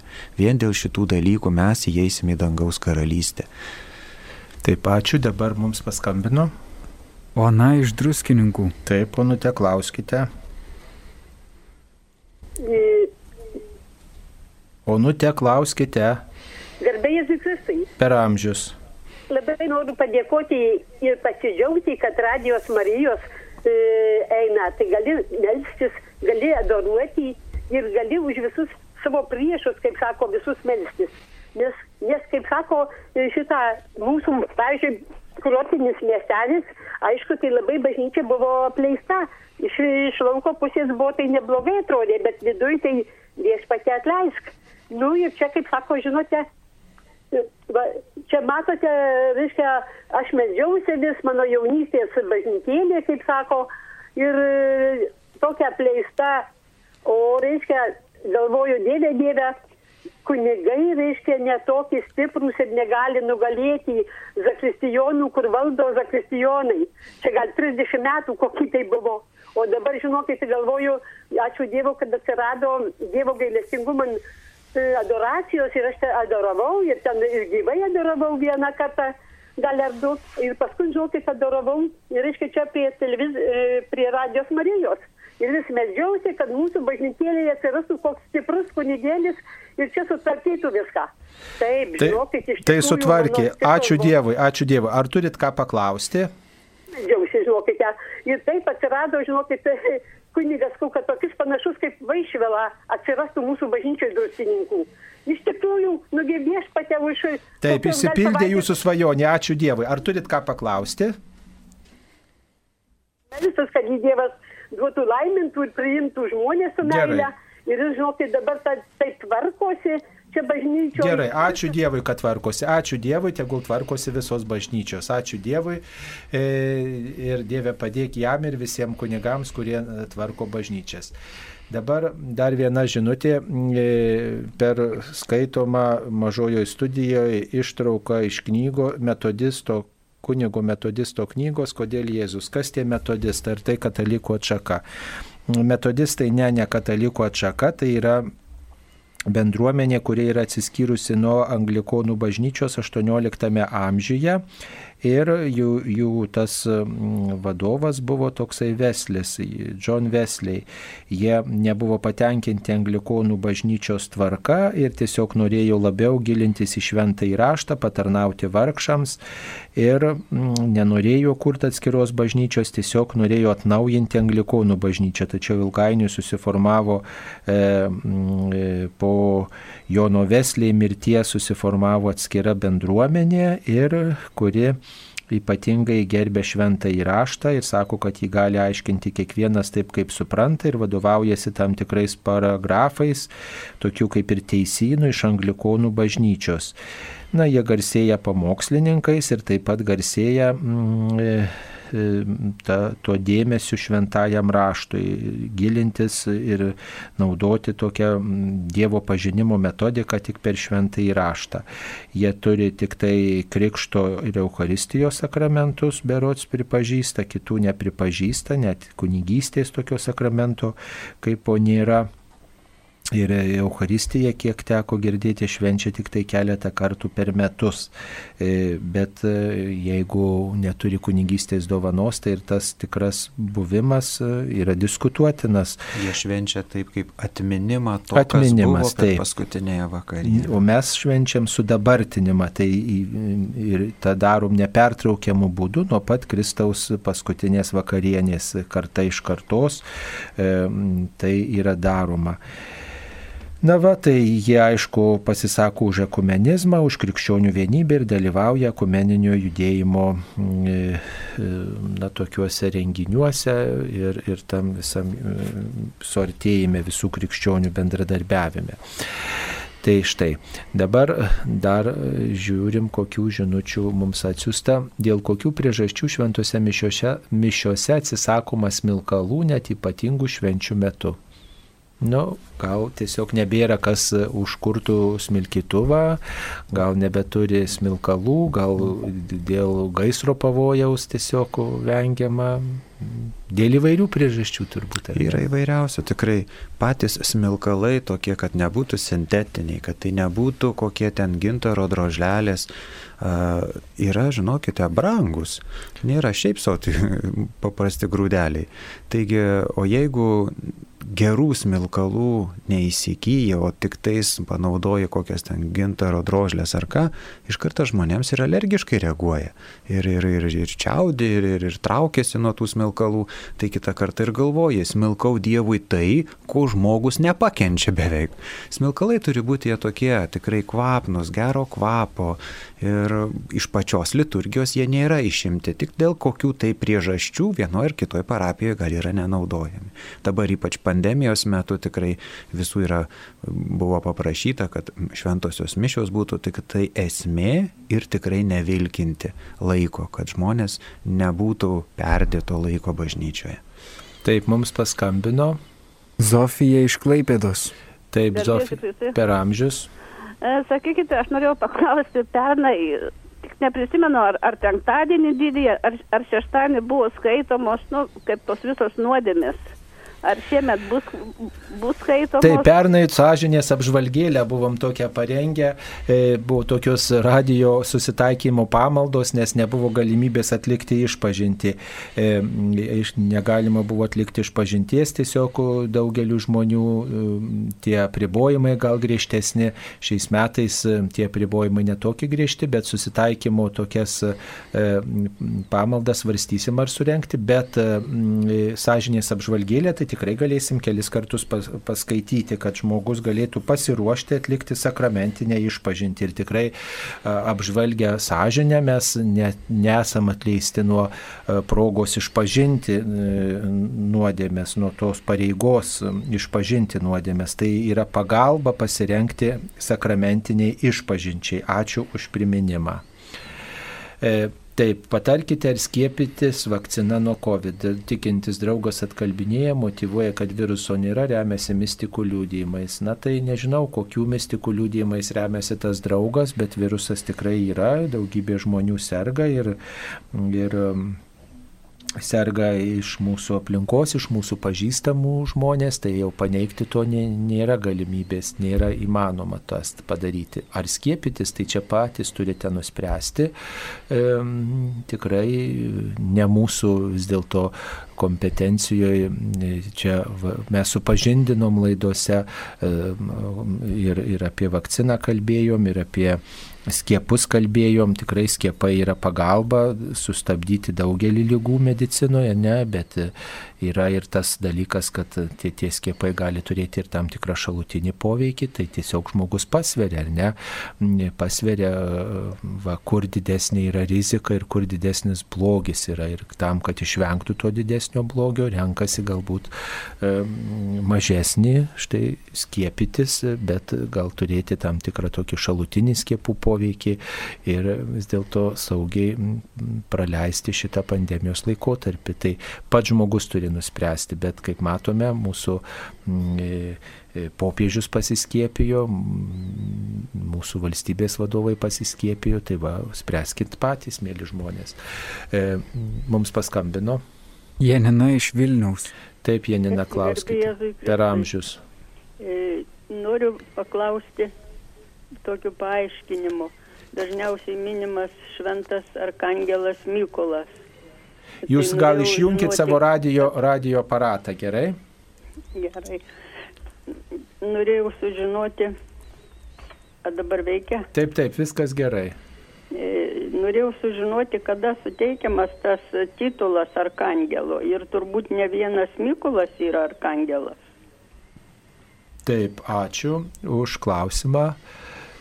Taip, ar arkangelai, jie yra Trys. Trys. Mykolas, Mykolas Gabrielius ir Apolas. Gabrielius ir Apolas, bet tai nėra uh, angelų vardai, tai yra jų misijos, kur vienas uh, Mykolas kalba ir jo vardas reiškia toks kaip Dievas. Uh, Gabrielius, jo vardas yra Dievas yra mano jėga. Ir rapolas Dievas gydo. Tai mes išverčiam dviem, trim žodžiais tą, ką reikštų jų misija. Tai va, ir tai yra arkangelai paties Dievo pasiuntiniai ir jie turi tą titulą.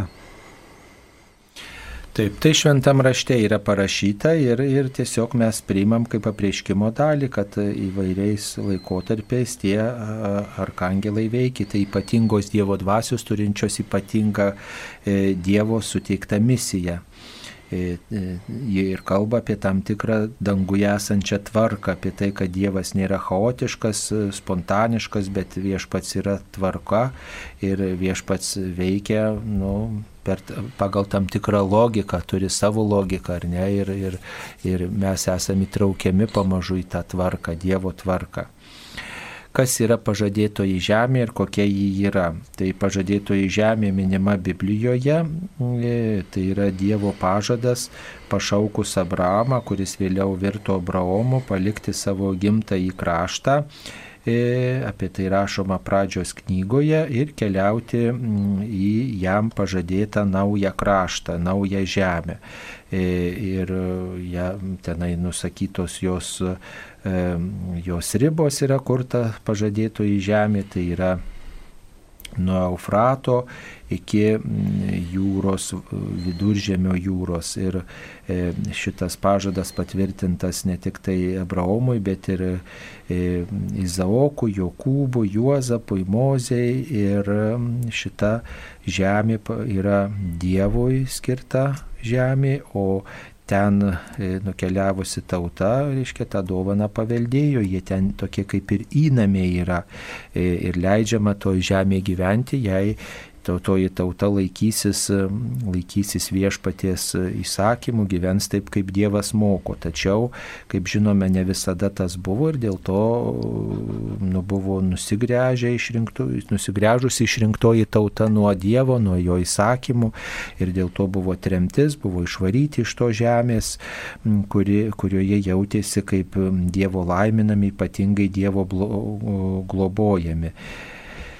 E, tai va taip trumpai galim atsakyti, aišku, tai turi tam tikrą ir simbolinę prasme, mums pažadėtoji žemė, e, dangiškoji Jeruzalė yra, yra dangaus karalystė. Ir tai yra pažadėtoji žemė, mes krikščionys suvokiam ne geografinę prasme, bet tokia simbolinė, dvasinė prasme, kad laikydamiesi Dievo, gyvendami su Dievu, nukeliausim į jo karalystę, būsim kartu tas buvimas su Dievu, e, jo artumoje, pilnatvėje pilnatvės pasiekimas ir yra ta pažadėtoji žemė. Ir net ir žydai tą galiausiai suprato, kai jie buvo išvaryti mm, iš iš pažadėtosios žemės suprato, kad vat, ne tik tai ta geografinė žemė pažadėtoji svarbi, bet ir svarbus tas teisingas santykis su artimu ir su Dievu, bet kaip žinot, viena yra tikėti, o kita yra e, vis dėlto tą tikėjimą gyvenime išskleisti, įgyvendinti visas tas tiesas, tai, tai sunkiai sekasi turbūt įvairių tautų, įvairiems žmonėms. Mm, taip, dar viena žinutė. E, e, kunigas per amžius Melchizedego būdu, kas tai yra. Na, mes jau ankstesnėse laidose atsakinėjom apie kunigą Melchizedegą, kad tai yra mm, simbolinė figūra, simbolinis asmuo, kuris kalba, kad kunigystė paveldima kaip Dievo malonė kunigas yra Melchizedė, kuristus yra kunigas Melchizedego būdu ne pagal paveldėjimą, bet e, ne taip kaip pavyzdžiui kunigais yra e, Senojo testamento kunigai, kad jie paveldi kunigystę kartą iš kartos, vis dėlto kunigystė yra malonė, kuri suteikiama, tai va ir Kristus. Melchizedekas buvo tas, kuris aukojo duoną ir vyną. Tai ir Jėzus, kuris su šiuos paėmė duoną ir vyną ir juos leido, per juos leido būti savo per amžių žmonių širdyse. Šventųjų mišių metu tariant Jėzaus Kristaus žodžius ištartus paskutinės vakarienės metu. Taip, ačiū. Mums paskambino. Skambino Liuda iš Kauno. Taip, Liuda, klauskite. Mane kažkaip neramina toks tėvė mūsų maldos kalbėjime, vis daugiau girdžiu, kad sako ne kasdienės duonos, bet kasdieninės duonos. Taip. Na tai tiesiog, žinot, žmonės užmiršta ir e, tiesiog supainioja, truputį pa, nu, tiesiog iškreipia. Taip reikia laikytis mūsų maldos taip, kaip ji yra nustatyta ir kokia ji yra maldynė. Ir mūsų maldynė, štai atsiverčiame maldynę, maldyną ir parašyta kasdienės mūsų duonos, duok mums šiandien. Taigi melsdamiesi, taip ir melskimės, tėvė mūsų maldoj, kasdienės mūsų duonos, duok mums šiandien. Melskimės taip, kaip yra malda ir patvirtinta šita svarbi malda. Taip, galbūt galima ištransliuoti šventasias mišes iš Marijos radio koplytėlės kišenėlės kad žmonės neklausinėtų, kiek bažnyčių senamiestyje ir dar stato. Na tai mes transliuojame kartą per mėnesį iš Marijos radio koplyčios, mažos koplytėlės, šventasias mišes ir visi gali į ją šitą maldą jungtis. Mums paskambino. Stasys iš Vilniaus. E, taip, Stasy, klauskite. Labą dieną. Labą dieną. Norėčiau, kad pakomentuotumėt man e, Malachijo pranašystės 4-5 aš atsiųsiu jums pranašą Eliją prieš ateinant karštai ir baisiai die, viešpatės dienai. Kas tai yra per pranašas ir, ir, ir kodėl jis turi atves e, vaikų tikėjimą į tėvus ir tėvų tikėjimą į vaikus. Taip. Čia turbūt norit, kad pakomentuotume šventą įraštą, bet reikėtų tiksliai nurodyti, tiksliau nurodyti, kurią, kurią, kurią vietą, nes dabar taip staigiai mes turime, nesurasime, žinot, greitosiomis, jau labiau, kad mūsų laidos laikas baigėsi, tai jūs tiesiog, jeigu galite, atsiųskite žinutę ir tiesiog, kaip dalyvaus kunigas biblistas, tiesiog labiau įsigilins turbūt e, ir, ir tada mes surasime šventame rašte tą vietą ir pakomentuosime.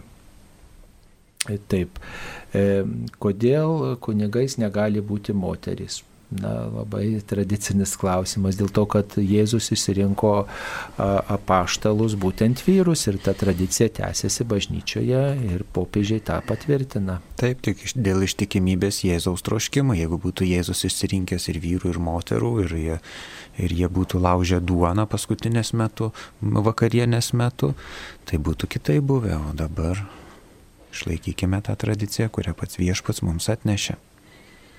Kartais dėl pašaukimų patys kunigai blogai liūdija Kristų jaunam žmogui. Man atrodo, bažnyčioje Lietuvoje likę muziejais. Na, yra to muziejiškumo aspekto bažnyčiose, aišku, nes yra senos bažnyčios, bet E, bet tai yra ir tam tikras patikimumas, kad tai ateina ne iš, iš nuo seniausių laikų kartai iš kartos perdodamas tikėjimas, o vien tik tai kunigams pasakyti, kad jie blogai liūdė tikėjimą, nu, ar mes padedam tiems kunigams liūdėti, ar mes melžiamės už juos, ar, ar, ar tiesiog sakom, jūs kalti ir jūs žinokitės. Na tai, žinot, kai kunigų neliks, tai nebus tik tai kunigai kalti, mes visi dėl to tam tikrą atsakomybę E, turime ir, ir tikrai į kitus, kitus kaltindami vargu ar surasim išeitie, išeiti tinkamą. Žiūrėkim, ką visi kartu galime padaryti. Tai reiškia melstis už pašaukimus visi drauge, palaikyti tuos kunigus, kurie yra, atpažinti tuos jaunus žmonės, kurie galbūt mūsų akimis tiktų, paskatinti juos dalyvauti liturgijoje, skaitinį paskaityti, galbūt šeimoje, jeigu apie tai žmogus prakalba, nesakyti, ta, tai vaikų nebus anūkų nebus, kaip tu čia drįsti, aš tiek galvojau, kad turėsiu anūkų, marčia šaunę e, penkis anūkus, kaip tu čia drįsti, aš čia tikrai tave ten keikiu ir taip toliau.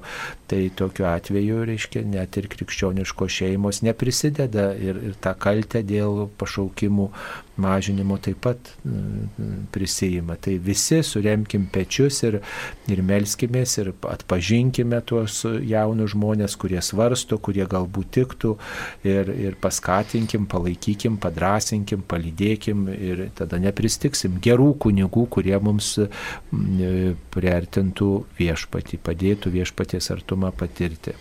Taip yra tekę visokių tų patirčių jau netgi ir praktiškai turėti, kada jaunuolis yra net iš egzaminų dienos, kada yra stojamieji kunigų seminarija, e, iškviečiamas pačios mamos ir išsiveda lauk, nes, nes to nedaleisiu, to nenorėsiu, to, čia baisos blogus pasirinkimas sūnaus, sūnus aišku, tėvų klausydamas bando kitą kartą ir pakeisti tą savo pasirinkimą.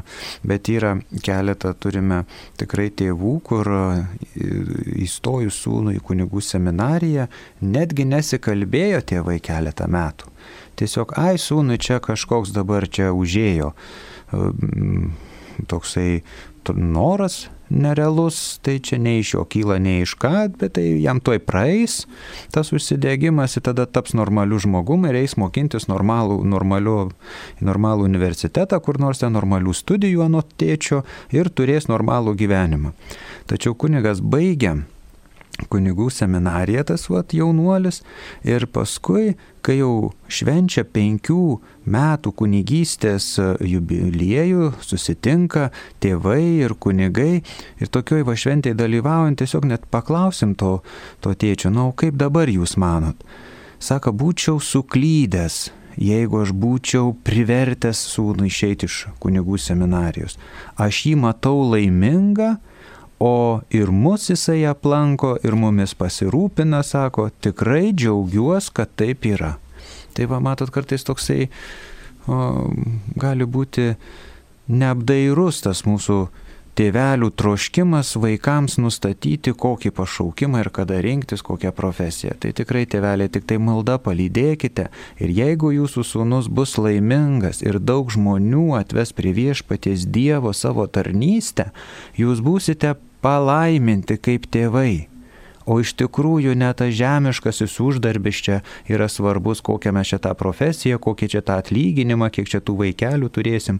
O tikrai jeigu daug šeimų, daug vaikų nuvesime į dangaus karalystę, palaiminti jūs tėveliai, kad padėjote tokiam sūnui formuotis arba tokiai dukrai pasirinkti vienuolinį gyvenimą ir vesti žmonės prie viešpaties Dievo. Ar kunigas e, turi laikydamas mišes bent trumpai paminėti valstybėje svarbes datas - Birželio 14, rūpiučio 23, sausio 13 ar seminarija augdo kunigus tokia dvasia.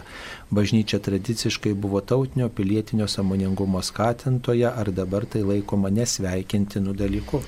Yra ir pačių mišių kanonuose pramatytos e, tam tikros valstybinių švenčių e, maldos, kuriomis melžiamės už valstybę. Taip pat e, ir dabar klierikai irgi turime ir paskaitas, ir prieš kovo 11, ir vasario 16, kad įsigilintume į tuos įvykius, tikrai jų neužmirštumėm. Ir, o kaip buvo paklausta, ar turi paminėti, tai minima yra gal pamokslė, yra minima, yra minima gal visuotinėje maldoje šių švenčių svarba, reikšmė, bet pačiam šventųjų mišių tekste, na, kunigas nepaminės tokių švenčių, nes tekstai yra jau nustatyti ir, ir sakau, vat, gali vat, pamokslę pakalbėti apie to šventės svarbą ir tikėjimo sąlytį, gali pakalbėti va, ar visuotinėje maldoje, arba po, po šventų mišių dalyvauti gal kokiam susirinkime to šventės proga. Žinoma, dabar pandemija čia viską mums kitaip tvarko, bet kada bus nugalėtas šitas virusas, tikrai vėl ir kunigai ir sugrįšime į šventes ir dalyvausime ir kalbėsime. Taip, Internete dažnai pasirodo Marijos žinia pranašystės, kas bus ateityje, kaip ta, jūs į tai žiūrite, aš tai žiūriu skeptiškai. Na tai mes irgi gal žiūrim skeptiškai visokias pranašystės, jau tiek, kiek pranaša, pasakė Jėzus Kristus, daugiau jau pasakyti nėra ką tiesiog tie visi apsireiškimai, kurie vyksta, Jėzaus, Marijos apsireiškimai, net jeigu jie ir pripažįstami bažnyčios, jie praktiškai nepa, nepasako nieko iš esmės naujo apie tai, kas yra šventam rašte parašyta ir tai, ką bažnyčia skelbė 2000 metų. Žmogau atsiversk, žmogau gailėkis dėl nuodėmių, žmogau laikykis dešimties Dievo įsakymų, žmogau nepašvesk sakramentus, žmogau pasninkau, kad gailauk, mylėk artimą, patarnauk kitiems ir kitaip, jeigu nesilaikysi Dievo, tai prieisi mm, na, nelaimę, nusigręši, stabą pasirinks ir tai bus tavo pražutis. Iš esmės tai yra visa pranašyščių e, tiesa. Va, Kaip tokį... ir Šiluvoje irgi Marija prabilusi sakė, neužmirškite šventųjų mišių kitaip žodžiais tariant. Taigi tie visi pamatai, kurie jau yra šventame rašte, tik tai jūs reikia įsiskaityti ir neužmiršti. E, taigi, dabar dar viena tokia žinutė yra. E, Jei dabar pamatytume Kristų, tai sudegtume, kai bus, jeigu pateksim į dangų ir matysime jo veidą. Na tai e, jau matot, po mirties, e, po mirties negalioja tie dėsniai, kurie galioja mums dabar. Reiškia, mes esam čia bijo mirties, o kai mirties lengsti peržengsime, jau būsime kitoje, kito, kitame būvyje ir tada jau, kaip sakant, būsim amžino gyvenimo akistato. Ir jeigu mūsų gyvenimas bus tinkamas, pasiruošimas, mes vis dėlto galėsime matyti Dievo veidą. Tyra širdžiai regės Dievą. Tai vad Dievą regi tas, kurio širdis tyra neturi nuodėmės, nesutepta žmogus. Taigi svarbiausia, kad mes būtume nesutepti, kad gyventume taip, kaip Dievas moko. Kodėl, kai yra transliuojama iš Šilovos šventosios mišios, nesako pamokslo klebonas Murauskas, turintis Dievo dovaną pasakyti gerų minčių. Na tai matot, iš Šilovos mišios transliuojamos yra, yra e, kiekvieno mėnesio 13 dieną ir tradiciškai toms mišioms vadovauja vyskupas. Štai tokia pamaldumo tradicija yra, pats vyskupas atvažiuoja ir švenčia šventasias mišes, turim galimybę e, mes klausytis vyskupo, mūsų ganytojo, vadovo, o kunigas klebonas Erastas Murauskas kitomis progomis aukoja šventasias mišes, kurios taip pat yra transliuojamos per Marijos radiją. Jeigu jūs įdomiau sektumėte Marijos radijo transliacijas, tai būtinai aptiktumėte, kad aukoja mišes, e, kurios yra transliuojamos per Marijos radiją, būtent kunigas klebonas Erastas Murauskas. Tai įdėmiau sekite transliacijas. Mm, taip. E, Taip, dabar čia pasiūlymas e, apie Tomo Kviniečio įžvalgą surenkti e, atskirą laidą. Taip, labai dėkojam apie tai, kad Tomas Akvinietis yra parašęs Dievo buvimo įrodymus ir juos pagrindęs, jie buvo svarstomi ir apie tai platesnę laidą siūlo parengti. Tai būtinai tą padarysim, tačiau truputį vėliau, nes dabar šventinis laikotarpis yra, tai į, į, į, šio laikotarpio temas labiau susikoncentruojame, nes yra unikali proga apie tai kalbėtis. Tiek suspėjome atsakyti, mėly broliai seserys, ačiū, kad jūs e, klausėte, klausėtės mūsų, ačiū kunigui Ramūnui Norkui, kuris sutiko ateiti ir dalyvauti šioje tiesioginėje laidoje, būkite palaiminti E, te viešpats saugo ir te suteikia mums visiems išminties ir savo pagalbos visose situacijose. Prie mikrofono buvau ir aš kunigas Saulis Bužauskas. Ačiū sudė. Dėkoju visiems klausytojams. Sudė.